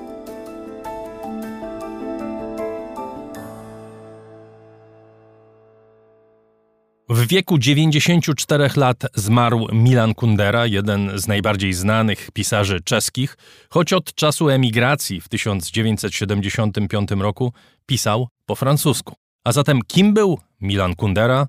O tym opowiedzą nam Agata Kasprolewicz i jej gość. Witam cię serdecznie. Dzień dobry. No, dopiero co żegnaliśmy w raporcie o książkach znakomitego amerykańskiego pisarza Cormaca McCarthy'ego, a dziś niestety czas na kolejne pożegnanie Milan Kundera. Urodził się 1 kwietnia 1929 roku i nazywał potem datę swoich urodzin metafizycznym żartem, a jego debiutancka powieść, nomen omen, nosi tytuł Żart. I tak, e, Milan Kundera był pisarzem, który uwodził swoich czytelników humorem, żartem, które to humor i żart przeplatały się z niezwykłą egzystencjalną przenikliwością tego pisarza. Tak zresztą chciałby jego powieści były interpretowane w wymiarze egzystencjalnym właśnie, a nie politycznym czy historycznym, jak często chcieli tego jego krytycy. Powieść jest formą przeciwstawiania się ideologii, mówił e, Milan Kundera. Poczucie humoru i dystans to są cechy z pewnością na wskroś czeskie, bo Milan Kundera był pisarzem do szpiku czeskim, chociaż, jak wspomniałeś, Darku, od 75 roku mieszkał we Francji i wielu Francuzów dziś nazywa go i żegna go jako pisarza francuskiego. Myślę, że Milan Kundera to przede wszystkim taki pisarz, któremu niejedna osoba zawdzięcza taką prawdziwą miłość do czytania. Posłuchajmy więc na początek, jak wiele, wiele lat temu Milan Kundera mówił sam o sobie. Je suis attiré par, par la fantaisie déchaînée onirique, absolument libre, mm-hmm. irresponsable. Et d'autre côté, je suis de la même façon attiré par le contraire, à savoir par, par une analyse froide, par une description cruelle de la réalité. Et pour moi, c'est toujours un problème, un problème extrêmement difficile de joindre ces deux choses qu'on ne peut pas joindre, des fantasies et de la lucidité. Pociąga mnie fantazja, rozszalała, rodem ze snów, absolutnie wolna. A z drugiej strony pociąga mnie też jej przeciwieństwo, zimna analiza, okrutny opis rzeczywistości. To dla mnie odwieczny problem, wyjątkowo trudny do rozwiązania. Jak połączyć te dwie rzeczy, które się nie łączą fantazję i trzeźwość umysłu? Tak o sobie samym mówił przed laty Milan Kundera, a z nami jest Aleksander Kaczorowski, bohemista, tłumacz, autor wielu znakomitych książek, między innymi biografii innego wybitnego czeskiego pisarza Hrabala. Dzień dobry panu. Dzień dobry. Na początek naszej rozmowy postanowiłam przypomnieć e, tę wypowiedź Milana Kundery, bo pada w niej takie zdanie. To dla mnie odwieczny problem, by połączyć te dwie rzeczy, które się nie łączą. Milan Kundera mówił e, w tym fragmencie o powieści i o tym, jak połączyć fantazję z rzeczywistością, czy też z analizą tej rzeczywistości ale tak y, myślę, że trudność połączenia rzeczy, które się ze sobą nie łączą, to jest w ogóle taki motyw, który towarzyszył mu właściwie przez całe życie. I zacznijmy może od czeskości Milana Kundery. Z jednej strony pisarz na wskroś czeski, z drugiej strony w takim dużym dystansie do Czech, prawda? Do czeskiego języka od pewnego momentu przecież pisał po francusku swoje książki. No, Milan Kundera przeżył 94 lata. Niezwykle udanego, jak sądzę, życia, a przy tym życia, które wymykałoby się, jak sądzę, próbą napisania ciekawej biografii. Ponieważ on większość życia w gruncie rzeczy spędził e, za biurkiem, pisząc e, książki.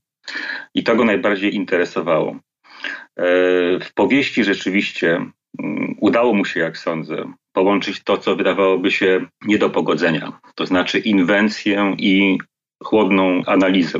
Gdybym ja pisał biografię Kundery, to myślę, że może w ogóle zacząłbym od tej sceny. Ona wydaje mi się kluczowa. Mianowicie w 1963 roku do Pragi przyjeżdża słynny francuski filozof Jean-Paul Sartre. I Kundera jest wśród tych młodych czeskich e, pisarzy, intelektualistów, którzy dostępują zaszczytu spotkania e, z mistrzem.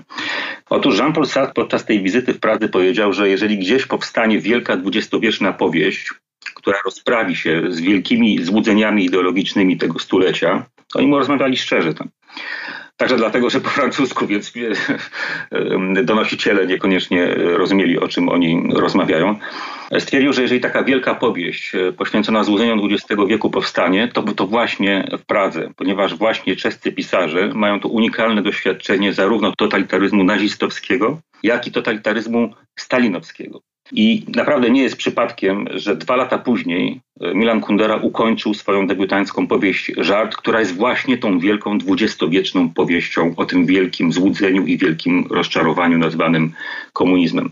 Ta książka wyszła dopiero dwa lata później, długo tam trwały boje z cenzurą i ukazała się praktycznie w przededniu praskiej wiosny, czyli tej próby reformy czechosłowackiego komunizmu podjętej przez Aleksandra Dubczeka, ówczesnego szefa partii, ale także cały krąg działaczy, intelektualistów, tak naprawdę pisarzy, przede wszystkim ludzi, ludzi sztuki, z których większość oczywiście była członkami partii komunistycznej, ale, roz, ale postrzegali ten moment jako, jako szansę na stworzenie demokratycznego socjalizmu. Chciałabym się zatrzymać na moment przy tej debiutanckiej powieści Żart, która według e, niektórych jest najwybitniejszą powieścią, jaka powstała na temat e, totalitaryzmu, dlatego że dotknęła istoty totalitaryzmu, w którym to systemie każdy żart staje się ogromnym niebezpieczeństwem. W ogóle w totalitaryzmie nie ma miejsca e, na poczucie humoru. Ale wspomniał Pan o tym no, niezwykle ważnym momencie w historii Czech, w historii całej właściwie Europy Środkowo-Wschodniej.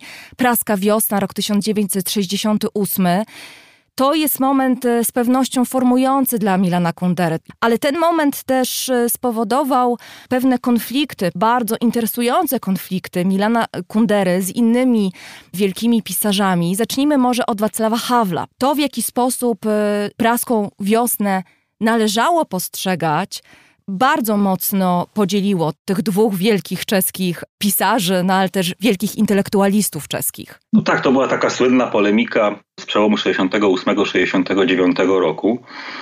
Zaczęło się od tego, że w kilka miesięcy po inwazji, to znaczy w grudniu 68 roku, Kundera opublikował w jednym z pism artykuł zatytułowany Czeski los. Właściwie mogę zacytować ten fragment z pamięci, że znaczenie czechosłowackiej jesieni przewyższa znaczenie czechosłowackiej wiosny. I cóż to znaczyło? Kundera był pod ogromnym wrażeniem tej niezwykłej mobilizacji społecznej Czechów, którzy w pierwszych miesiącach po inwazji, w pierwszych miesiącach okupacji naprawdę stawili jej czoła.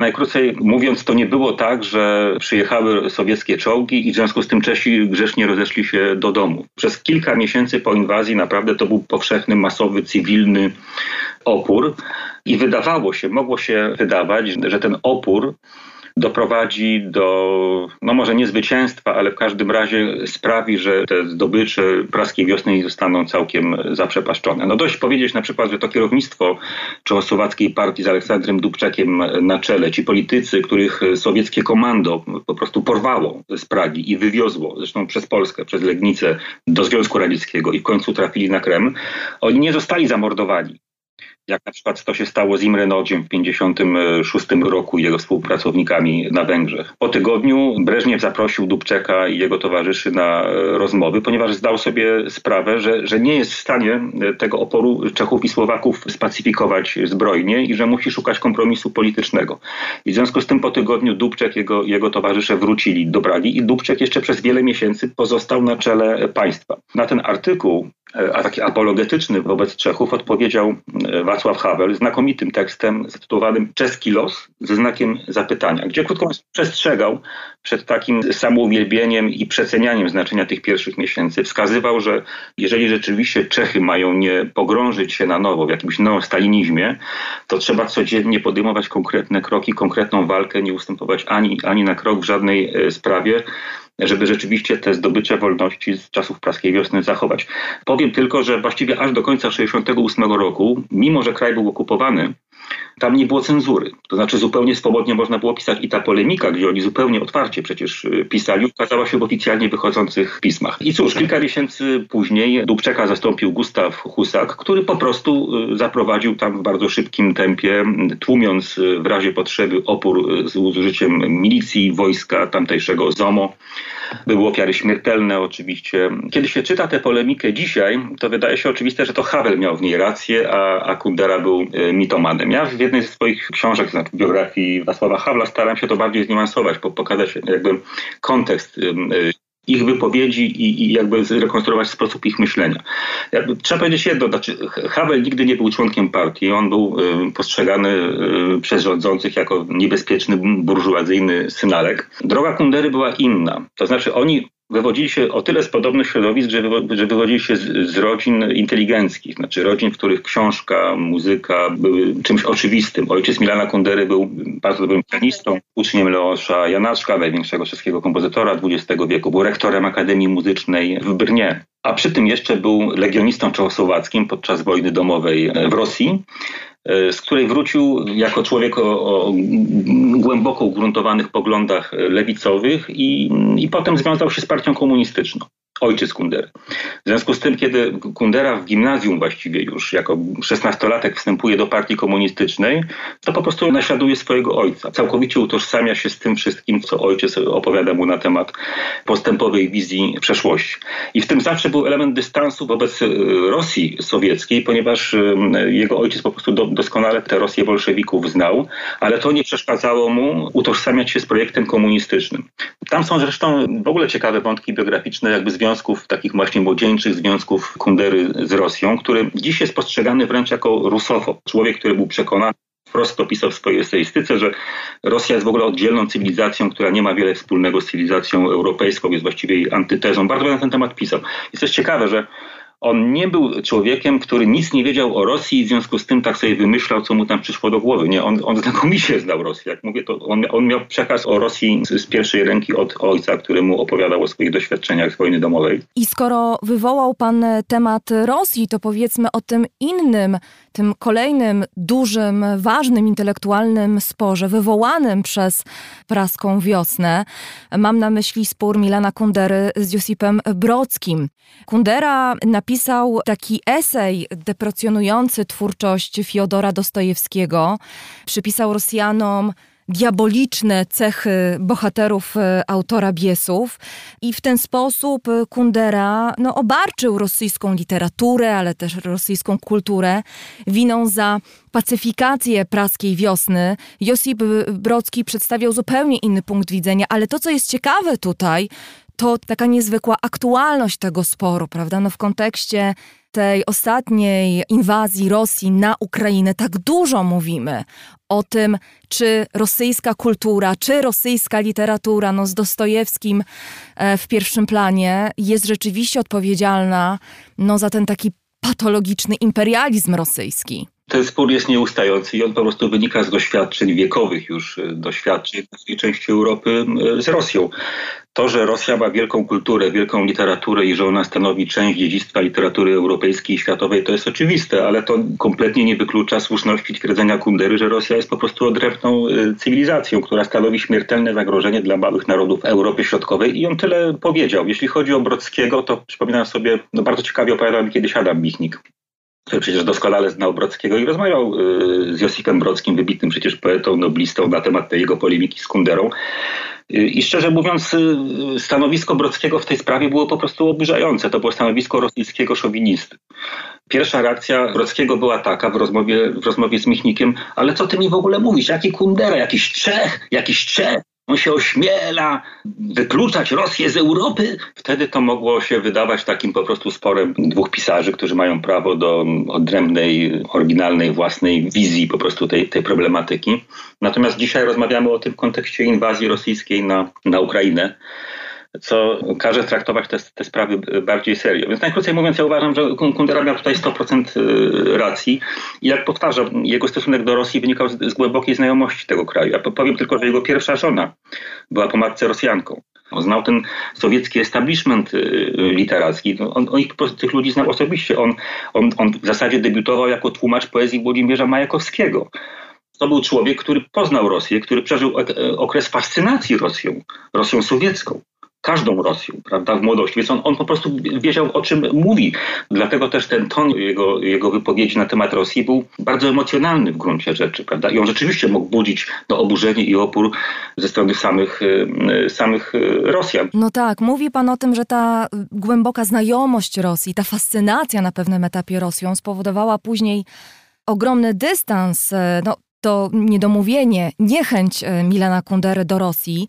I chciałabym teraz zrobić taki przeskok do czasów francuskich, e, cytując e, fragment znów tekstu Milana Kundery, który wydaje mi się bardzo ciekawy i bardzo, bardzo mocno dotykać tego, o czym rozmawiamy, czyli czym dla Milana Kundery była Rosja, ale w związku z podejściem do Rosji, czym była tożsamość nie tylko czeska, ale środkowoeuropejska. I jeżeli pan pozwoli, to przytoczę e, fragment, który zaczyna się tak.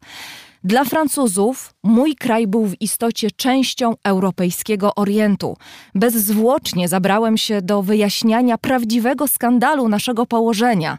Pozbawieni narodowej niezawisłości, byliśmy nie tylko pod zaborem innego państwa, lecz także innego świata. Ludzie z mojego otoczenia przykładali wielką wagę do polityki, lecz kiepsko znali geografię. Widzieli w nas ludzi komunizowanych, a nie zawłaszczanych. Wyjaśniałem, że o ile istnieje lingwistyczna jedność słowiańskich narodów, o tyle nie ma żadnej słowiańskiej kultury, żadnego słowiańskiego świata. Historia Czechów, podobnie jak historia Polaków, Słowaków, Chorwatów czy Słoweńców i oczywiście Węgrów, którzy nie są Słowianami w ogóle, jest czysto okcydentalna. Gotyk, renesans, barok, ścisły kontakt ze światem germańskim, walka katolicyzmu z reformacją. Nic wspólnego z Rosją, która niczym inny świat leżała daleko stąd. Jedynie Polacy żyli w jej bezpośrednim sąsiedztwie, przypominającym jednak walkę na śmierć i życie. Próżny trud, idea świata słowiańskiego jest kliszą, której nie da się usunąć ze światowej historiografii. Pod koniec lat 70. otrzymałem rękopis do jednej z mych powieści, napisany przez wybitnego slawistę, który wciąż mnie porównywał. Porównanie oczywiście schlebiające, wówczas nikt nie chciał mej krzywdy z Dostojewskim, Gogolem, Pasternakiem i rosyjskimi dysydentami. Przerażony zapobiegłem publikacji. Nie dlatego, żebym czuł antypatię do tych wszystkich wielkich Rosjan. Przeciwnie, podziwiałem ich, lecz w ich towarzystwie stawałem się kimś innym.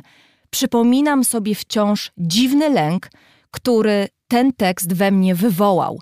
Przeżywałem to przeniesienie w obcy kontekst jako deportację. Myślę, że bardzo ciekawy, mocny fragment. To jest genialny fragment. Tak. To pokazuje klasę tego pisarstwa i klasę umysłowości Kundery. To, to, to znakomicie, że pani przytoczyła ten, ten fragment. No to też pokazuje tą myśl o Europie Środkowo-Wschodniej Milana Kundery. On powiedział kiedyś, że jak był w Czechosłowacji, to myślał o sobie jako o światowcu, a kiedy przyjechał do Francji, to zaczął myśleć o sobie właśnie jako o środkowo-europejczyku. Tak, ja myślę, że to doświadczenie emigracji e, tak naprawdę uczyniło go pisarzem e, klasy światowej, ponieważ on, kiedy w wieku 46 lat e, wyjechał z Pragi, no był takim zdeklarowanym Europejczykiem, któremu wydawało się oczywiste, że tak też będzie traktowany we Francji. Natomiast przyjechał tam, po pierwsze był nikim, po drugie, jeżeli w ogóle go z czymkolwiek kojarzono, no to właśnie z tym, powiem, sowieckim obszarem. Dziwiono się na przykład, kiedy twierdził z uporem godnym lepszej sprawy, że Czesi nie piszą cyrylicą cyrylicą. Jak to nie piszecie cyrylicą? Przecież jesteście Słowianami. On zetknął się z takim absolutnym niezrozumieniem i z taką absolutną akceptacją kolonialnego statusu Europy Wschodniej, prawda? że jest Moskwa, ta Moskwa ma swoje imperium, nazywa się Związek Radziecki i w tym imperium jest 150 rozmaitych ludów, jacyś Kałmucy, jacyś Czuwasze, jacyś Czuwońcy, jacyś Burjaci, jacyś Czesi, jacyś Polacy, jacyś Węgrzy, prawda? jacyś Ukraińcy, jacyś tam Estończycy, prawda? I to tak ma być na wieczne czasy i to po prostu kompletnie nikomu nie przeszkadza i co to w ogóle kogo obchodzi, kto by się tam uczył tych jakichś języków, który mówi 3, 4 czy niech tam by nawet 10 milionów ludzi, prawda? Krótko mówiąc, musimy sobie wyobrazić, że wtedy Polska, Czechy, Słowacja, Węgry mają mniej więcej taki status, z jakim w tej chwili walczy Ukraina. Żołnierze walczą na froncie, prawda? A ludzie sztuki, ludzie kultury, prawda?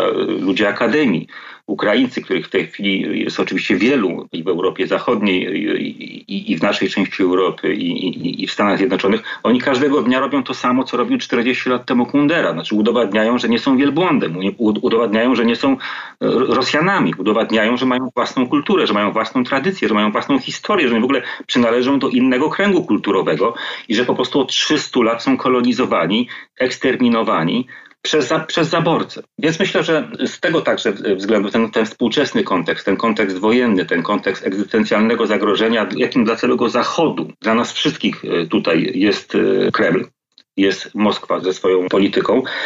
No rzeczywiście w taki niezwy, niezwykły sposób, którego chyba mało kto się spodziewał, uczynił twórczość Kundery, zwłaszcza twórczość y, eseistyczną, niezwykle inspirującą i aktualną. Przenikliwą i aktualną, no właśnie. Zaczęłam tę naszą rozmowę, panie Aleksandrze, od pytania o to, czy jest pewna sprzeczność w tej tożsamości czeskiej Milana Kundery, no, a potem tej tożsamości francuskiej. Nazwijmy to w ten sposób. I tak sobie myślę, kiedy słucham e, o tym, co mówi pan o tej eseistyce Milana Kundery, która była bardzo ważną częścią jego twórczości, być może trochę niezauważoną, no bo głównie myśląc o Milanie Kunderze, pewnie myślimy jednak o tych wielkich jego powieściach, o których mam nadzieję, że powiemy, ale ja tak sobie myślę, że może tutaj nie ma sprzeczności, że może Milan Kundera chciał uczynić doświadczenie czeskie, czy chciał uczynić to doświadczenie, szerzej mówiąc, środkowoeuropejskie, doświadczeniem zachodnim. To jest pytanie, czy Polak, czy Czech może być Europejczykiem. Tak.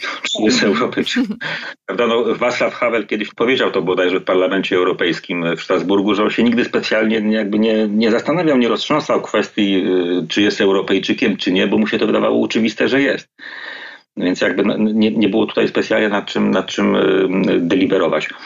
Y, jeżeli chodzi o Kunderę, no to tak jak wspomniałem, on był, y, on, on, był poliglotą, był też kosmopolitą y, z natury i Europejczykiem y, przede wszystkim. To znaczy on, on nigdy nie wyparł się czeskością, nie przestał być Czechem, ale trzeba powiedzieć, że on w 1979 roku, w kilka lat po emigracji, został pozbawiony obywatelstwa, tak. w akcie mhm. represji, prawda, podjętej wobec niego przez władze komunistyczne, przez tych łajdaków pokroju Husaka, prawda, i całej, całej reszty tej, tej, tej kremlowskiej, e, kolaboranckiej e, szajki. On został wyrzucony z tego, z tego kraju, on został wyrzucony z tego, z tego narodu, on został pozbawiony obywatelstwa, on był bezpaństwowcem, prawda. On w 1981 roku otrzymał obywatelstwo francuskie i oczywiście Kundera funkcjonując we Francji, znakomicie odnajdując się w tamtejszych środowiskach artystycznych, intelektualnych, i jak mówię, coraz lepiej władając językiem e, francuskim, przede wszystkim publikując, zabierając głos publicznie, prawda, dopominając się o tę Europę Środkową. Dosyć szybko tak naprawdę zaczął pisać teksty najpierw eseistyczne, publicystyczne, no, eseistyczne, pisać je po francusku. Kundera był przede wszystkim pisarzem, powieściopisarzem. Zmiana języka jest wielkim wyzwaniem, jest niezwykle stymulująca, jak sądzę. Tak było w jego przypadku. Nasuwa się skojarzenie ze Władimirem Nabokowem na przykład, prawda, który był wielkim pisarzem języka rosyjskiego e, i w dojrzałym wieku stał się pisarzem języka angielskiego i tak naprawdę wielkość osiągnął właśnie, właśnie w angielszczyźnie. Nazwał pan Milana Kunderę bezpaństwowcem i tak sobie myślę, że to jest dobry moment, żeby znów zacytować Milana Kunderę. To jest taki fragment, od którego zaczyna się film dokumentalny poświęcony temu pisarzowi, zatytułowany Nieznośny ciężar historii. To jest film Arte TV, zresztą zachęcam Państwa, można ten film e, zobaczyć e, na przykład na YouTubie. I zaczyna się od e, takiego cytatu. Do czego jestem przywiązany? Do Boga, do ojczyzny, do narodu, do człowieka? Moja odpowiedź jest równie śmieszna, co szczera do niczego poza krytykowaną spuścizną Cervantesa. No i tutaj otwiera się kolejny bardzo ważny temat, bo eseistyka, tak, pewnie niezauważona, wybitna i jakże aktualna dziś, no ale Milan Kundera był piewcą powieści, prawda? On zresztą o powieści, o istocie powieści bardzo dużo pisał również w swojej eseistyce, ale wydaje mi się to ciekawe i znów tutaj, no właśnie, zastanawiam się, czy przeciwieństwo, czy nie, bo bo to chyba pan powiedział w jednym z wywiadów, że Kundera lubił filozofować w powieści. Tak filozofować na serio. On poruszał ważne kwestie filozoficzne, poruszane przez wielkich filozofów europejskich, a jednocześnie przecież ta jego powieść taka lekka jest, tak świetnie się czyta, prawda? Kundera poza wszystkim był genialnym aforystą. Pamiętamy z niego całe zdania, prawda? Każdy pamięta jakieś zdanie z książek Kundery, które przeczytał. Na przykład miłość rodzi się z jednej metafory. I on tłumaczy dlaczego, prawda? Tam jest cała opowieść. To, to, to jest nie lekkości bytu. To jest, to, jest, to, jest absolutnie, to jest absolutnie genialne. Więc on miał ten dar. On umiał budować zdania. On umiał pisać je w taki sposób, żeby trafiać w sedno, poruszać naszą wyobraźnię, nasze emocje. Umiał tworzyć bohaterów, z którymi, z którymi się utożsamiamy, których losy prze, e, przeżywamy. On uważał, że każda wielka powieść jest nieco mądrzejsza niż jego twórca. I że pisarze inteligentniejsi od swoich powieści powinni zmienić zawód. powinni, powinni, I wydaje mi, się to, wydaje mi się to niezwykle trafne. To znaczy, tak. każda wielka powieść, każde wielkie powieściopisarstwo ma w sobie jakiś sekret, jakąś tajemnicę. Znaczy, tak naprawdę nie wiemy, dlaczego to się tak dzieje. Dlaczego to się tak dzieje, że nieznośna lekkość bytu y, robi tak piorunujące wrażenie na, na, na nas, prawda, kiedy, kiedy te historie czytamy. To jest, no wiele czytaliśmy takich opowieści o miłości, bo to jest przecież miłosna historia. Jest lekarz, Tomasz, jest kobieta Teresa, którą poznaje, jest druga kobieta, Sabina, która towarzyszy mu jak cień przez całe życie i on nie jest w stanie między nimi wybrać. I to, a to wszystko jest w, w, kontekście, znaczy dzieje się to w Czechosłowacji, dzieje się to w Pradze, dzieje się to w latach 50., 60. i 70. No w sumie tyle. I dlaczego ta historia nas porusza? Wydaje mi się, że dla Kundery, jako y, powieściopisarza właśnie, tak naprawdę najważniejsze było to, co dzieje się między y, dwojgiem ludzi. E, między, między kobietą i mężczyzną. No tak, to jest e, rzeczywiście ciekawe, że w tych książkach Milan Kundera jako taki bardzo przenikliwy intelektualista przepowiadał e, wiele zjawisk. On z drugiej strony, kiedy właśnie ta debiutancka powieść Żart została uznana za, za wspaniałą opowieść o, o totalitaryzmie, był niezadowolony i mówił, jak to, jak to, przecież to jest y, powieść o miłości, prawda? I on rzeczywiście nie lubił chyba, jak się te jego powieści umieszczało w kontekście polityczno-historycznym. Zawsze podkreślał, że to człowiek, że to ten kontekst, ten wymiar egzystencjalny najbardziej go interesuje, ale może na tym właśnie polega wielka literatura. Oczywiście tak, no gdyby było inaczej, to po prostu jego, do jego książek dziś by nikt nie zaglądał, no bo gdyby literatura miała być tylko jakąś ilustracją epok historycznych, to przestała być aktualna w momencie, kiedy te epoki się, się kończą. Ale chciałbym powiedzieć o jeszcze jednej rzeczy, bo mówimy tak troszeczkę teoretycznie o tym, jak to u, Kundera, u Kundery historia żartuje. A tak naprawdę jego życie przyniosło właściwie skrajny przykład takiej właśnie sytuacji. W każdym właściwie tekście, który ukazał się po jego śmierci, Pojawia się ta sprzed kilku lat, kilkunastu już lat historia, kiedy to w 2008 roku jedna z czeskich gazet zarzuciła mu, że 1950 roku poszedł na posterunek milicji i doniósł, że w akademiku studenckim, on miał wtedy 20 lat, przebywa jakiś człowiek, który nie powinien tam przebywać. Ten człowiek został zatrzymany przez milicję, a potem się okazało, że to jest kurier e, związany z CIA, prawda, z jakiegoś tam, tam podziemia niepodległościowego, antykomunistycznego, czeskiego. Spędził wiele lat w więzieniu, no wielka jego, jego tragedia i tak dalej. I Później ta historia była oczywiście głęboko analizowana i, na, i najkrócej mówiąc to jest tak, że to nie jest prawda. To znaczy on nie był donosicielem. Ale wie pani, to już z nim zostanie na zawsze. W każdym tekście, w każdej książce jemu poświęconej, poświęconej człowiekowi, który przez całe życie starał się oddzielić swoją twórczość od swojej biografii.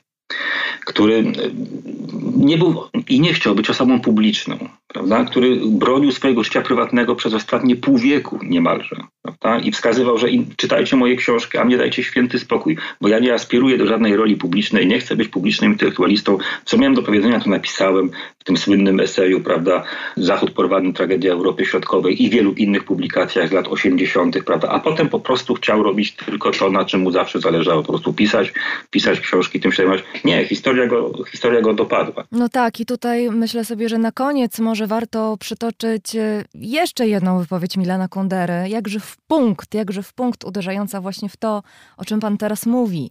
Kundera powiedział kiedyś, że marzy mu się, żeby istniało takie prawo, które zmuszałoby pisarzy do zatajania tożsamości i używania pseudonimów, bo to ograniczyłoby grafomanię, dzięki temu spadłaby agresywność w życiu literackim, no i prawo takie uniemożliwiłoby biograficzną interpretację utworów. E, no, w zabawny sposób Milan Kundera wypowiedział się na ten temat, no ale znów to rzeczywiście, tak jak pan mówi, ponury żart e, na koniec życia. Bardzo ważne w twórczości Kundery jest pojęcie kategoria kiczu. On napisał gdzieś, że kicz to jest taka chęć podobania się wszystkim za, za wszelką cenę. I oczywiście ten świat mediów społecznościowych, w którym funkcjonujemy, on niezwykle wzmacnia tę narcystyczną potrzebę tkwiącą e, w każdym e, z nas. I oczywiście dotyczy to również pisarzy, prawda? To znaczy, można się zastanawiać, czy Kundera mógłby zrobić e, karierę w dzisiejszych czasach. Prawda? Człowiek świadomie odcina się od jakichkolwiek występów publicznych i twierdzi, że czytelników powinno interesować wyłącznie jego dzieło. Prawda? W sytuacji, w której dziś właściwie bardzo wielu pisarzy funkcjonuje bardziej e, jako osoby z mediów społecznościowych, a niekoniecznie sięga się po ich książki. Ale Kundera naprawdę wierzył w literaturę. To się może wydawać staromodne, to się może wydawać XIX-wieczne. On był niesłychanie sprawnym rzemieślnikiem. On wszystko wiedział o tym, jak konstruować opowieści. On zaczynał w teatrze, zaczynał od tekstów dramatycznych. Więc on naprawdę potrafił e, złapać, że tak powiem, czytelnika e, za włosy, przyciąć, przykuć jego uwagę, wciągnąć go w ten swój świat, oczarować, uzależnić wręcz od siebie, po prostu uwieść. On po prostu on uwodził czytelników i czytelniczki. To jest zresztą też ciekawe, ja nie wiem, zastanawiam się na czym to polega. Pamiętam, kiedy ja czytałem Nietężą lekkość bytu ponad 30 lat temu, to ta książka robiła furorę przede wszystkim wśród kobiet. Ciekaw jestem, e, jak to wygląda dzisiaj. Co nam to mówi o świecie, który się zmienia i my wraz z nim. Aleksander Kaczorowski, bohemista, tłumacz, autor wielu znakomitych książek, między innymi biografii Hrabala. E, był gościem raportu o stanie świata. Bardzo, bardzo panu dziękuję za tę rozmowę. Ja dziękuję.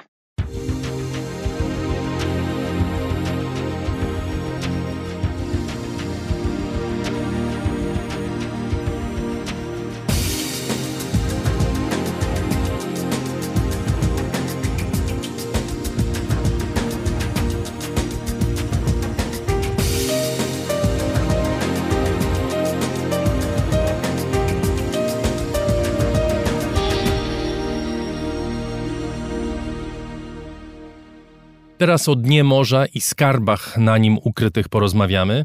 W Kingston na Jamajce rozpoczęły się globalne negocjacje w sprawie wydobycia minerałów z dna morza właśnie.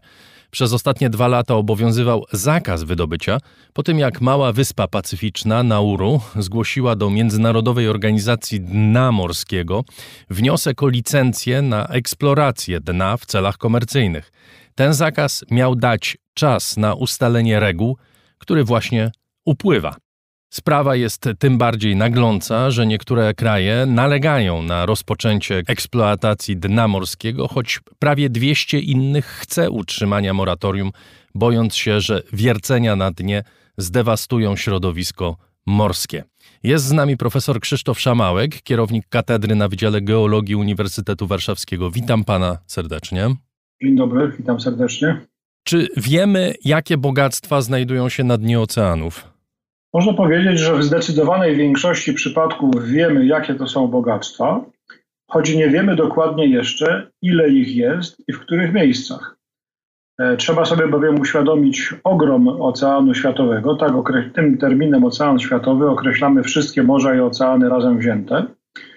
Jak może słuchacze wiedzą, nasza planeta w trzech czwartych pokryta jest e, hydrosferą, czyli tym oceanem światowym. W związku z czym jest to tak ogromny obszar, że jego zeksplorowanie nie jest e, wcale łatwe, bowiem znajdują się na nim, na tym oceanie światowym, zarówno głębie powyżej 10 tysięcy metrów głębokości, jak i równie abysalne i, takie stosunkowo wielkie przestrzenie E, które e, mają głębokość około 4-4,5 tysiąca metrów. Więc proszę sobie wyobrazić, e, jak trudno jest w tym wielkim właśnie dokonać tych wszystkich badań uszczegóławiających. Panie profesorze, pojawia się czasem taka opinia, że my więcej wiemy o kosmosie niż o dnie mórz. Czy to jest adekwatna opinia do rzeczywistości? To coś, coś w tym tkwi, bo można powiedzieć, jest takie popularne powiedzenie i ono jest prawdziwe, że na Księżycu już było chyba ośmiu, jeśli dobrze pamiętam, e, astronautów, natomiast na dnie rowu mariańskiego były tylko chyba dwie bądź trzy osoby, co, co wskazuje, że, że więcej nas wylądowało na innej planecie niż na, e, zeszło właśnie na tę głębokość krytyczną rowu mariańskiego to uzmysławia, jak wiele jeszcze jest do zrobienia. I no może czas y, zamiast zadzierać głowę do góry, też spojrzeć y, po prostu w dół, tam gdzie jest y, jeszcze bardzo wiele do zrobienia. No niektóre państwa spoglądają w dół i widzą tam ogromne bogactwo, ale bogactwo czego konkretnie? To znaczy, co konkretnie znajduje się na dnie oceanów, co byłoby interesujące dla firm eksplorujących dno? Miałbym bardzo duży problem, gdybym chciał Państwu odpowiedzieć na pytanie, czego nie ma na dnie oceanów. A więc odwróciłem e, Pana pytanie. Na dnie oceanów w zasadzie jest wszystko, co jest potrzebne współczesnej cywilizacji w zakresie e, kopalin e, możliwych do przetwarzania w surowce mineralne. No bo oczywiście znakomita część tych złóż, które są eksploatowane na obszarze lądowym, to przecież są złoża, które kiedyś powstawały na obszarach morskich i po prostu w wyniku zmian ukształtowania kontynentów, e, regresji mórz i tak dalej, e, te dawne morskie struktury zostały odsłonięte i znajdują się teraz na obszarach e, lądowych. A więc pochodzenie wielu złóż eksploatowanych na lądzie ma pochodzenie morskie. Czyli gdyby konkretyzować to stwierdzenie, co można tam znaleźć. No to są oczywiście węglowodory, ropa naftowa, gaz ziemny, gazohydraty. To już wydobywamy. Ropę naftową, gaz ziemny wydobywamy, gazohydratów jeszcze nie. A to jest ogromna przyszłość przed ludzkością. Zasoby gazohydratów są wielokrotnie większe w sensie zawartości gazu ziemnego niż łączne zasoby rozpoznane e, gazu e, na całym świecie. Więc to jest przed nami.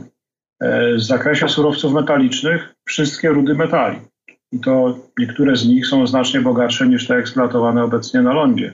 Mówię tu o rudach miedzi, mówię, tu o polimetalicznych rudach metali, e, więc, więc są wszystkie, które są niezbędne. Mówię oczywiście o surowcach chemicznych. Fosforyty, sól, sól kamienna oczywiście, sole potasowo-magnezowe. E, są oczywiście e, kamienie szlachetne. A więc można powiedzieć, mamy cały przekrój wszystkich kopalin, które są człowiekowi i cywilizacji niezbędne do jego rozwoju. No i jest kwestia oczywiście, e, czy i w jaki sposób do nich sięgać, tak żeby nie zniszczyć delikatnego ekosystemu oceanicznego. No i przede wszystkim, żeby robić to w sposób ekonomiczny, bo wiem o wszystkim, czy o zagospodarowaniu kopalin na e, Księżycu, czy o zagospodarowaniu kopalin na dnie oceanicznym, będzie decydowała ekonomia, czyli czy będzie to opłacalne. A proszę powiedzieć, czy przy obecnej technologii mamy narzędzia, by wydobywać te bogactwa z dna morza? Oczywiście, cały etap e, e, takich prac pilotowych e, przy różnych metodach był testowany, testowany przez ładnych kilkanaście lat, jak również testowane były metody, metody technologie przetwarzania tych e, wydobytych kopalin na powierzchni i uzyskania z nich produktu końcowego. No można się posłużyć przykładem tak zwanych konkrecji żelazowo-manganowych. Konkrecje żelazowo-manganowe to są takie twory no, powiedzmy zbliżone do sfery, sferycznego czy elipsoidalnego kształtu, które leżą na powierzchni, ogromnej powierzchni dna oceanicznego. W zasadzie, tak mówiąc kolokwialnie, przypominają rozrzucone ziemniaki czy, czy, czy, czy kamienie na powierzchni tego dna, nie pod osadem, a na powierzchni tego osadu. No i metody eksploatacji były testowane najróżniejsze, od metod y, takich y, bardziej górniczych, czyli za pomocą drak, y, włók ciągnionych. To było nieefektywne, bardzo nie, nie była niewielka wydajność, ale wraz z rozwojem postępu technicznego dopracowano i do, do, dopieszczono, można powiedzieć, tę technologię hydraulicznego zbierania tych właśnie konkrecji, czyli tak jak odkurzacz, w zasadzie odkurzacza. Zasysa urządzenie pracujące ze statku e, bazy na powierzchni e, zasysa te e, konkrecje wraz no, z, z mułem, który, w którym one się znajdują. Muł jest od, od, od, od, oddzielany w środowisku wodnym, czyli wraca do tego samego środowiska, skąd został wzięty. Natomiast konkrecje wędrują do ładowni statku bazy. Więc jest to, jest to opanowane, jest to y, sprawa, która nie, nie, nie stanowi dla nikogo tajemnicy ani problemu. Problemem był przez pewien czas, jak przerabiać te konkrecje, dlatego że one w odróżnieniu od ród, które się przerabia w hutach, głównie ród siarczkowych, to te konkrecje są rudami tlenkowymi. To są tlenki i wodorotlenki uwodnione. No to jest zupełnie inna technologia, inna wydajność, inne potrzeby, ale to też zostało opanowane, więc, więc jest, y, można powiedzieć, ten etap y, za nami. Czyli wiemy, co jest, wiemy, jak to eksploatować, natomiast nie do końca wiemy, gdzie dokładnie, wszędzie te utwory występują. Jest wiele miejsc rozpoznanych dokładnie, bardzo szczegółowo, jak na przykład na Oceanie Spokojnym strefa Clarion, Clipperton, na której od, no już e, od 70 lat pracują e, różne państwa albo różne e, konsorcja gospodarcze nad poszukiwaniem i rozpoznawaniem tych złóż konkrecji. Polska jest jednym z najbardziej aktywnych krajów w tym zakresie. Może nie samodzielnie, bo nie, nie byłoby nigdy nas na to stać, ale w ramach takiej organizacji międzynarodowej Interocean Metal, której siedziba znajduje się w Szczecinie w Polsce i do której należy kilka państw z byłego bloku wschodniego. Tak? Poza Polską jest tam Bułgaria, są tam Czechy, Słowacja, e, Rosja, no i kilka jeszcze innych oczywiście państw, takich jak Niemcy i Francja, zdaje się, i Wielka Brytania. Ale to nie w naszej, nie w naszej organizacji. Oczywiście te państwa, które pan wymienił, to są państwa, które samodzielnie, Niemcy, Stany Zjednoczone, Francja, Japonia, Indie, Chiny, które takie badania bardzo szeroko zakrojone realizowały. Tak, ale to nie z nami, tylko znaczy czasem w kooperacji z nami, czasem w jakichś wspólnych projektach Mm, pod auspicjami tej International Cyber Authority, czyli Międzynarodowej Organizacji Dna Morskiego, ale nasze badania były badaniami w obrębie tego Interocean Metalu, czyli organizacji wspólnej państw, które składają się poprzez składki na wspólny budżet i wspólnie realizują rejsy badawcze, badania. Właśnie w tej strefie pacyficznej Clarion, Clipperton, zresztą przypuszczam, że niewielu Polaków sobie zdaje sprawę, że my tam E, właśnie taką działkę mamy? No mamy ją wespół z innymi krajami. To nie jest nasza działka dokładnie Polski, tylko to jest działka Interocean Metalu, no, czyli w takiej części, w jakiej jesteśmy w tej organizacji, można powiedzieć, że jest nasza, ale mo można powiedzieć, że nie ma się co spierać o jakieś drobiazgi, bo ta działka, którą tutaj badaliśmy, była na poziomie 300 e, tysięcy kilometrów kwadratowych z czego udokumentowana część taka bardzo dokładnie i tak dalej złożowa jest chyba, jeśli dobrze pamiętam, około 60 tysięcy kilometrów kwadratowych, także jest to potężna potężna y, wielkość, na której zalegają właśnie te konkrecje. No i właśnie przy tej okazji pojawiają się zupełnie kosmiczne czasami, tak jak patrzyłem, liczby dotyczące potencjalnych zysków. Natomiast ja bym prosił, pan już o tym wspominał, ale prosiłbym, żebyśmy też pokazali skalę kosztów, które należy włożyć w to, żeby ewentualnie te złoża eksploatować, bo y, można powiedzieć, że te rudy są y, na dnie morza bogatsze. Prawdopodobnie mamy możliwości korzystania z nich, ale jednak koszty takich operacji są niezmiernie wysokie, prawda? No to wszystko zależy, proszę pana. To wszystko zależy po pierwsze tak, w którym momencie liczymy, jaki jest, jaki jest e, aktualny kurs e, ceny na surowiec na świecie. To się zmienia dynamicznie co kilka lat. Ceny surowców idą bardzo mocno w górę, potem spadają, są cykle cenowe, to są wszystko rzeczy związane z cyklami koniunkturalnymi, no i tak dalej, i tak dalej. Ale co do tego, czy są bardziej zasobne, czy też nie, no to zależy oczywiście o czym mówimy, bo można powiedzieć tak, konkrecje manganowo-żelaziste nie są jakoś tam przesadnie e, bogate w, w, w, procentowo w te składniki metaliczne. E, tutaj korzyścią jest to, że to jest ogromna powierzchnia i ogromna masa przerabianych e, tych konkrecji, czyli z masy tej konkrecji, nawet jeżeli te konkrecje zawierają nam powiedzmy tych użytecznych metali, czyli niklu, kobaltu, molibdenu, miedzi na poziomie kilku czy kilkunastu procent, to jest to rzecz interesująca. Ale te złoża bardzo bogate, o których jeszcze nie mówiliśmy, to dotyczą e, tak zwanych dawnych kopalnych e, black smokersów, czyli czarnych kominów, czyli polimetalicznych rud siarczkowych, które leżą na dnie oceanów w strefach aktywnych, e, aktywnych albo dawnych aktywnych ryftów kontynentalnych Y, gdzie te wyziewy y, przegrzanych wód zmineralizowanych spod dna oceanu, y, stykając się z zimnymi wodami przydennymi, prowadziły do wytrącania się właśnie siarczków, siarczków miedzi, siarczków żelaza i innych. No i to już jest, można powiedzieć, czysta ruda. To jest tak, że ciało rudne o powiedzmy o wymiarach e, no, kilkaset metrów e, średnicy, wysokości rzędu no, powiedzmy kilkudziesięciu metrów, czasem powyżej 100 metrów, to jest skoncentrowana ruda, w których ma pan na przykład mieli 30% czy 35% tak, niklu, kobaltu i innych e, pierwiastków, również towarzyszących i, i platynowców i, i złota i tak dalej, i tak. Więc to są niezwykle bogate, to są niezwykle skoncentrowane. One są niewielkie, można powiedzieć, jeżeli mówię o kilkuset metrach średnicy, to co to jest za wymiar w stosunku do wymiaru Oceanu Światowego.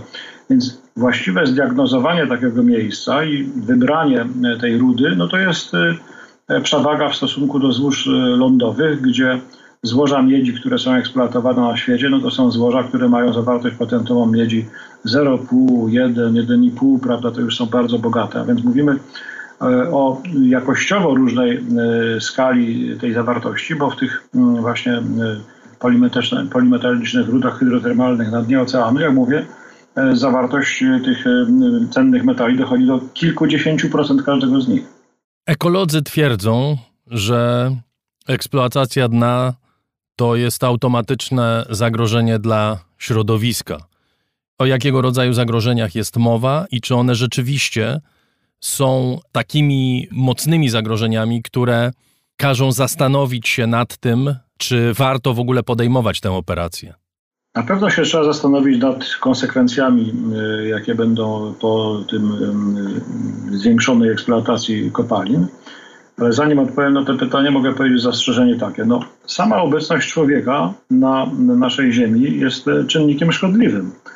Gdyby nas było tyle, ile było nas e, kilkanaście wieków temu, no to nasza obecność przesadnie planecie nie szkodziła i to, co robiliśmy, było dla planety znośne. Tak? To były odpady organiczne, to były jakieś rzeczy, które się dały w tym środowisku siłami natury przerabiać, wracać w cyklu biogeochemicznym ponownie. Natomiast od momentu, kiedy się rozpoczęła rewolucja przemysłowa, kiedy potrzeby e, e, zaczęły być zaspokajane znakomitej większości społeczności ziemskiej na wysokim poziomie, czyli powstawała ciągła potrzeba nowego uzupełnienia produktów, którymi się posługujemy, co prowadziło oczywiście do powstawania ogromnej masy odpadów, z którymi w dalszym ciągu nie jesteśmy w stanie, w stanie z nimi poradzić. Od tego momentu obecność człowieka na planecie stała się uciążliwa, czyli nasze wielkie miasta są uciążliwością.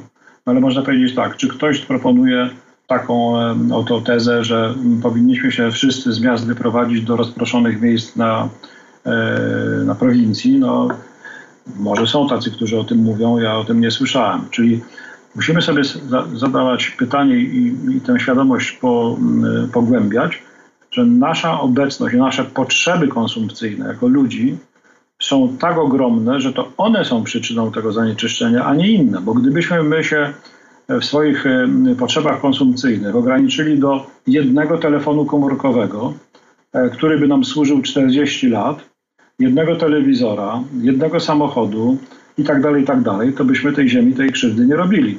A ponieważ telefony komórkowe, każdy z nas, zachęcony y, promocjami y, firmy, które je oferują, wymienia co roku, bo są szybsze, więcej mają zdolności do aplikacji tam, prawda, i tak dalej, i tak dalej, no to ciągle potrzeba jest surowców, które muszą zostać wydobyte z ziemi, żeby można było te produkty wytworzyć. I to jest ten element wstępu. I teraz dochodząc do istoty pańskiego pytania, czy y, będzie to szkodliwe? Na pewno tak, bo przecież jeżeli mówimy o środowiskach na tym poziomie 4,5 y, tysiąca metrów, 4 tysięcy metrów czy 10 tysięcy metrów, to dzieje się zupełnie inne życie, zupełnie spowolnione, życie, w które, jest, które pozbawione jest wpływów światła. Oczywiście wszystko się dzieje w ciemności, to jest y, opadający deszcz niezwykle drobnych e, fragmentów materii organicznej, która staje się częścią łańcucha pokarmowego dla organizmów tam żyjących. E, to jest bardzo bogaty świat bentoniczny, benton, bentosu osiadłego, bentosu ruchomego. To jest cały nekton, czyli cały świat ryb, prawda? To jest cały świat e, e, żyjących e, organizmów na różnego rodzaju wyniosłych elementach, czyli górach podmorskich itd. Tak itd. Tak no i teraz jeśli rozpoczynamy tam jakakolwiek eksploatację, czy to będzie eksploatacja taka bardzo zbliżona do górniczej, tak, czyli na po prostu e, zgarnianie, czy jakieś koparki po, po, po, podwodne, które będą nabierały do swoich czerpaków e, te fragmenty e, złożowe. Czy to będzie ta metoda hydrauliczna, no to ona będzie tworzyła oczywiście rzecz, która jest przejściowa oczywiście, no ale kwestia odporności tego środowiska zmętnienie wody, tak, utrzymujący się przez e, na przykład e, rok e, czy, czy, czy, czy, czy kilkanaście miesięcy słup tej zawiesiny, która oczywiście cały czas ulega procesowi sedymentacji, czyli w pewnym momencie woda staje się tak samo krystalicznie czysta jak przed tym procesem. No ale jednak jak zachowają się będą zasiadły, tak? czyli ten, który żyje w tych różnych jamkach, norach y, na dnie, y, kiedy ta woda staje się mętna, no to oczywiście takie badania są prowadzone. Czy on wyginie, czy on się y, przejściowo, jego populacja skór, czy, się wpły, czy to wpłynie na, na, na, na, na kwestię rozmnażania, prawda, i tak dalej, i tak dalej. Więc bez wątpienia są to rzeczy, na które trzeba sobie odpowiedzieć w wyniku bardzo głębokich studiów, które będą pokazywały zyski, straty oczywiście i możliwość regeneracji, bo przejściowe problemy na Ziemi, które się pojawiają w związku z naszą aktywnością przy eksploatacji różnych złóż, jeżeli są przejściowe, to nie są, nie są szczególnie ważne, tak? bo mm, natura ma mm, naturalne procesy samoregulacji, czyli oczyszczania, czy to zanieczyszczeń, prawda, które zostają przetworzone przez organizmy E, pracujące, czy też sam system napowietrzania wody, tlen, który e, się znajduje i, i prowadzi do różnych procesów e, przemian materii, która poddana jest temu działaniu. Więc ważne jest, jakie jest tempo i rodzaj tego odtwarzania się, zabliźniania, w jakim czasie się to dzieje, czy powrót do poprzedniego stanu jest możliwy w ogóle, czy, czy jest tylko możliwy powrót do pewnego stanu zmniejszonej E, populacji poprzednich organizmów. No, no, to są wszystko pytania, które trzeba poznać wcześniej, zanim się podejmie jakieś e, tutaj działania. Między innymi po to było to moratorium dwuletnie, między innymi również na uregulowanie całego tego biznesu od strony komercyjnej. Niektóre firmy już się szykują do eksploatacji. Mówią, że złożą aplikację o licencję jeszcze w tym roku.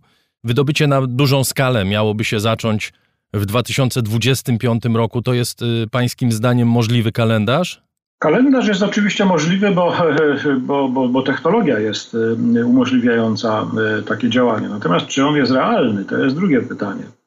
Otóż wydaje mi się, że na razie nie jest realny, bowiem póki co w warunkach funkcjonowania światowej gospodarki ja nie znam przykładu e, surowca mineralnego, który się wyczerpał i którego ludzkość e, by pożądała, a go nie ma. Jeżeli takie sytuacje się zdarzały, to były to sytuacje przejściowe i lokalne, że gdzieś tam wyeksploatowano jakieś złoże i w związku z czym e, nie było tego surowca. Natomiast ściągano go w ramach wymiany mm, międzynarodowej z innych stron, czyli... Ale panie profesorze, jeśli można, ci zwolennicy eksploatacji złóż w podobny sposób, jak pan powiedział zresztą, argumentują argumentami typu ekologicznego.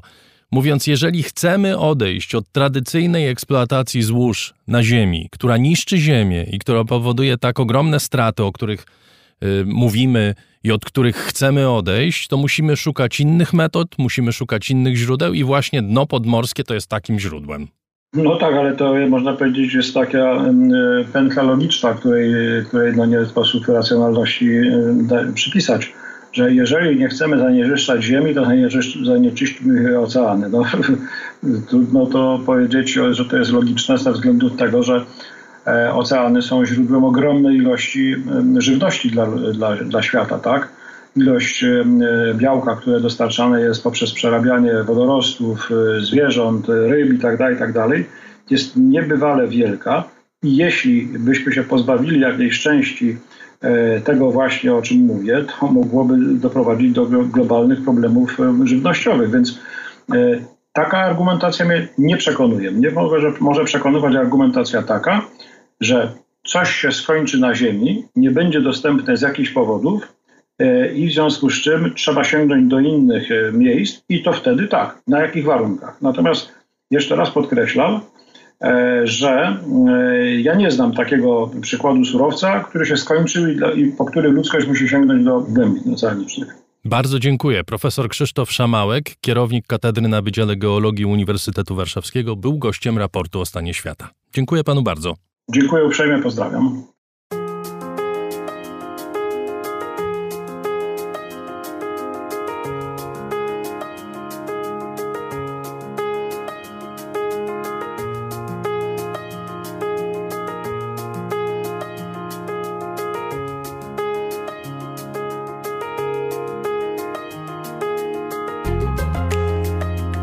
To już prawie wszystko w tym wydaniu raportu o stanie świata. Zapraszam do słuchania wszystkich naszych programów.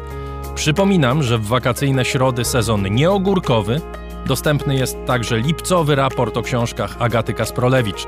Zachęcam do słuchania naszych programów i jeszcze raz dziękuję Państwu za to, że jesteście z nami, bo to dzięki Wam one powstają. Przypominam także o spotkaniu patronów. 23 lipca w niedzielę spotykamy się w Sopocie Wszyscy patroni bez wyjątku są zaproszeni, ale prosimy o zgłoszenie obecności, a jak? Szczegóły znajdą Państwo na swoich profilach w serwisie Patronite, również w naszej grupie na Facebooku. Adrian Bąk, Agata Kasprolewicz, Chris Wawrzak, Dariusz Rosiak mówią do usłyszenia, kiedy chcecie i jak chcecie.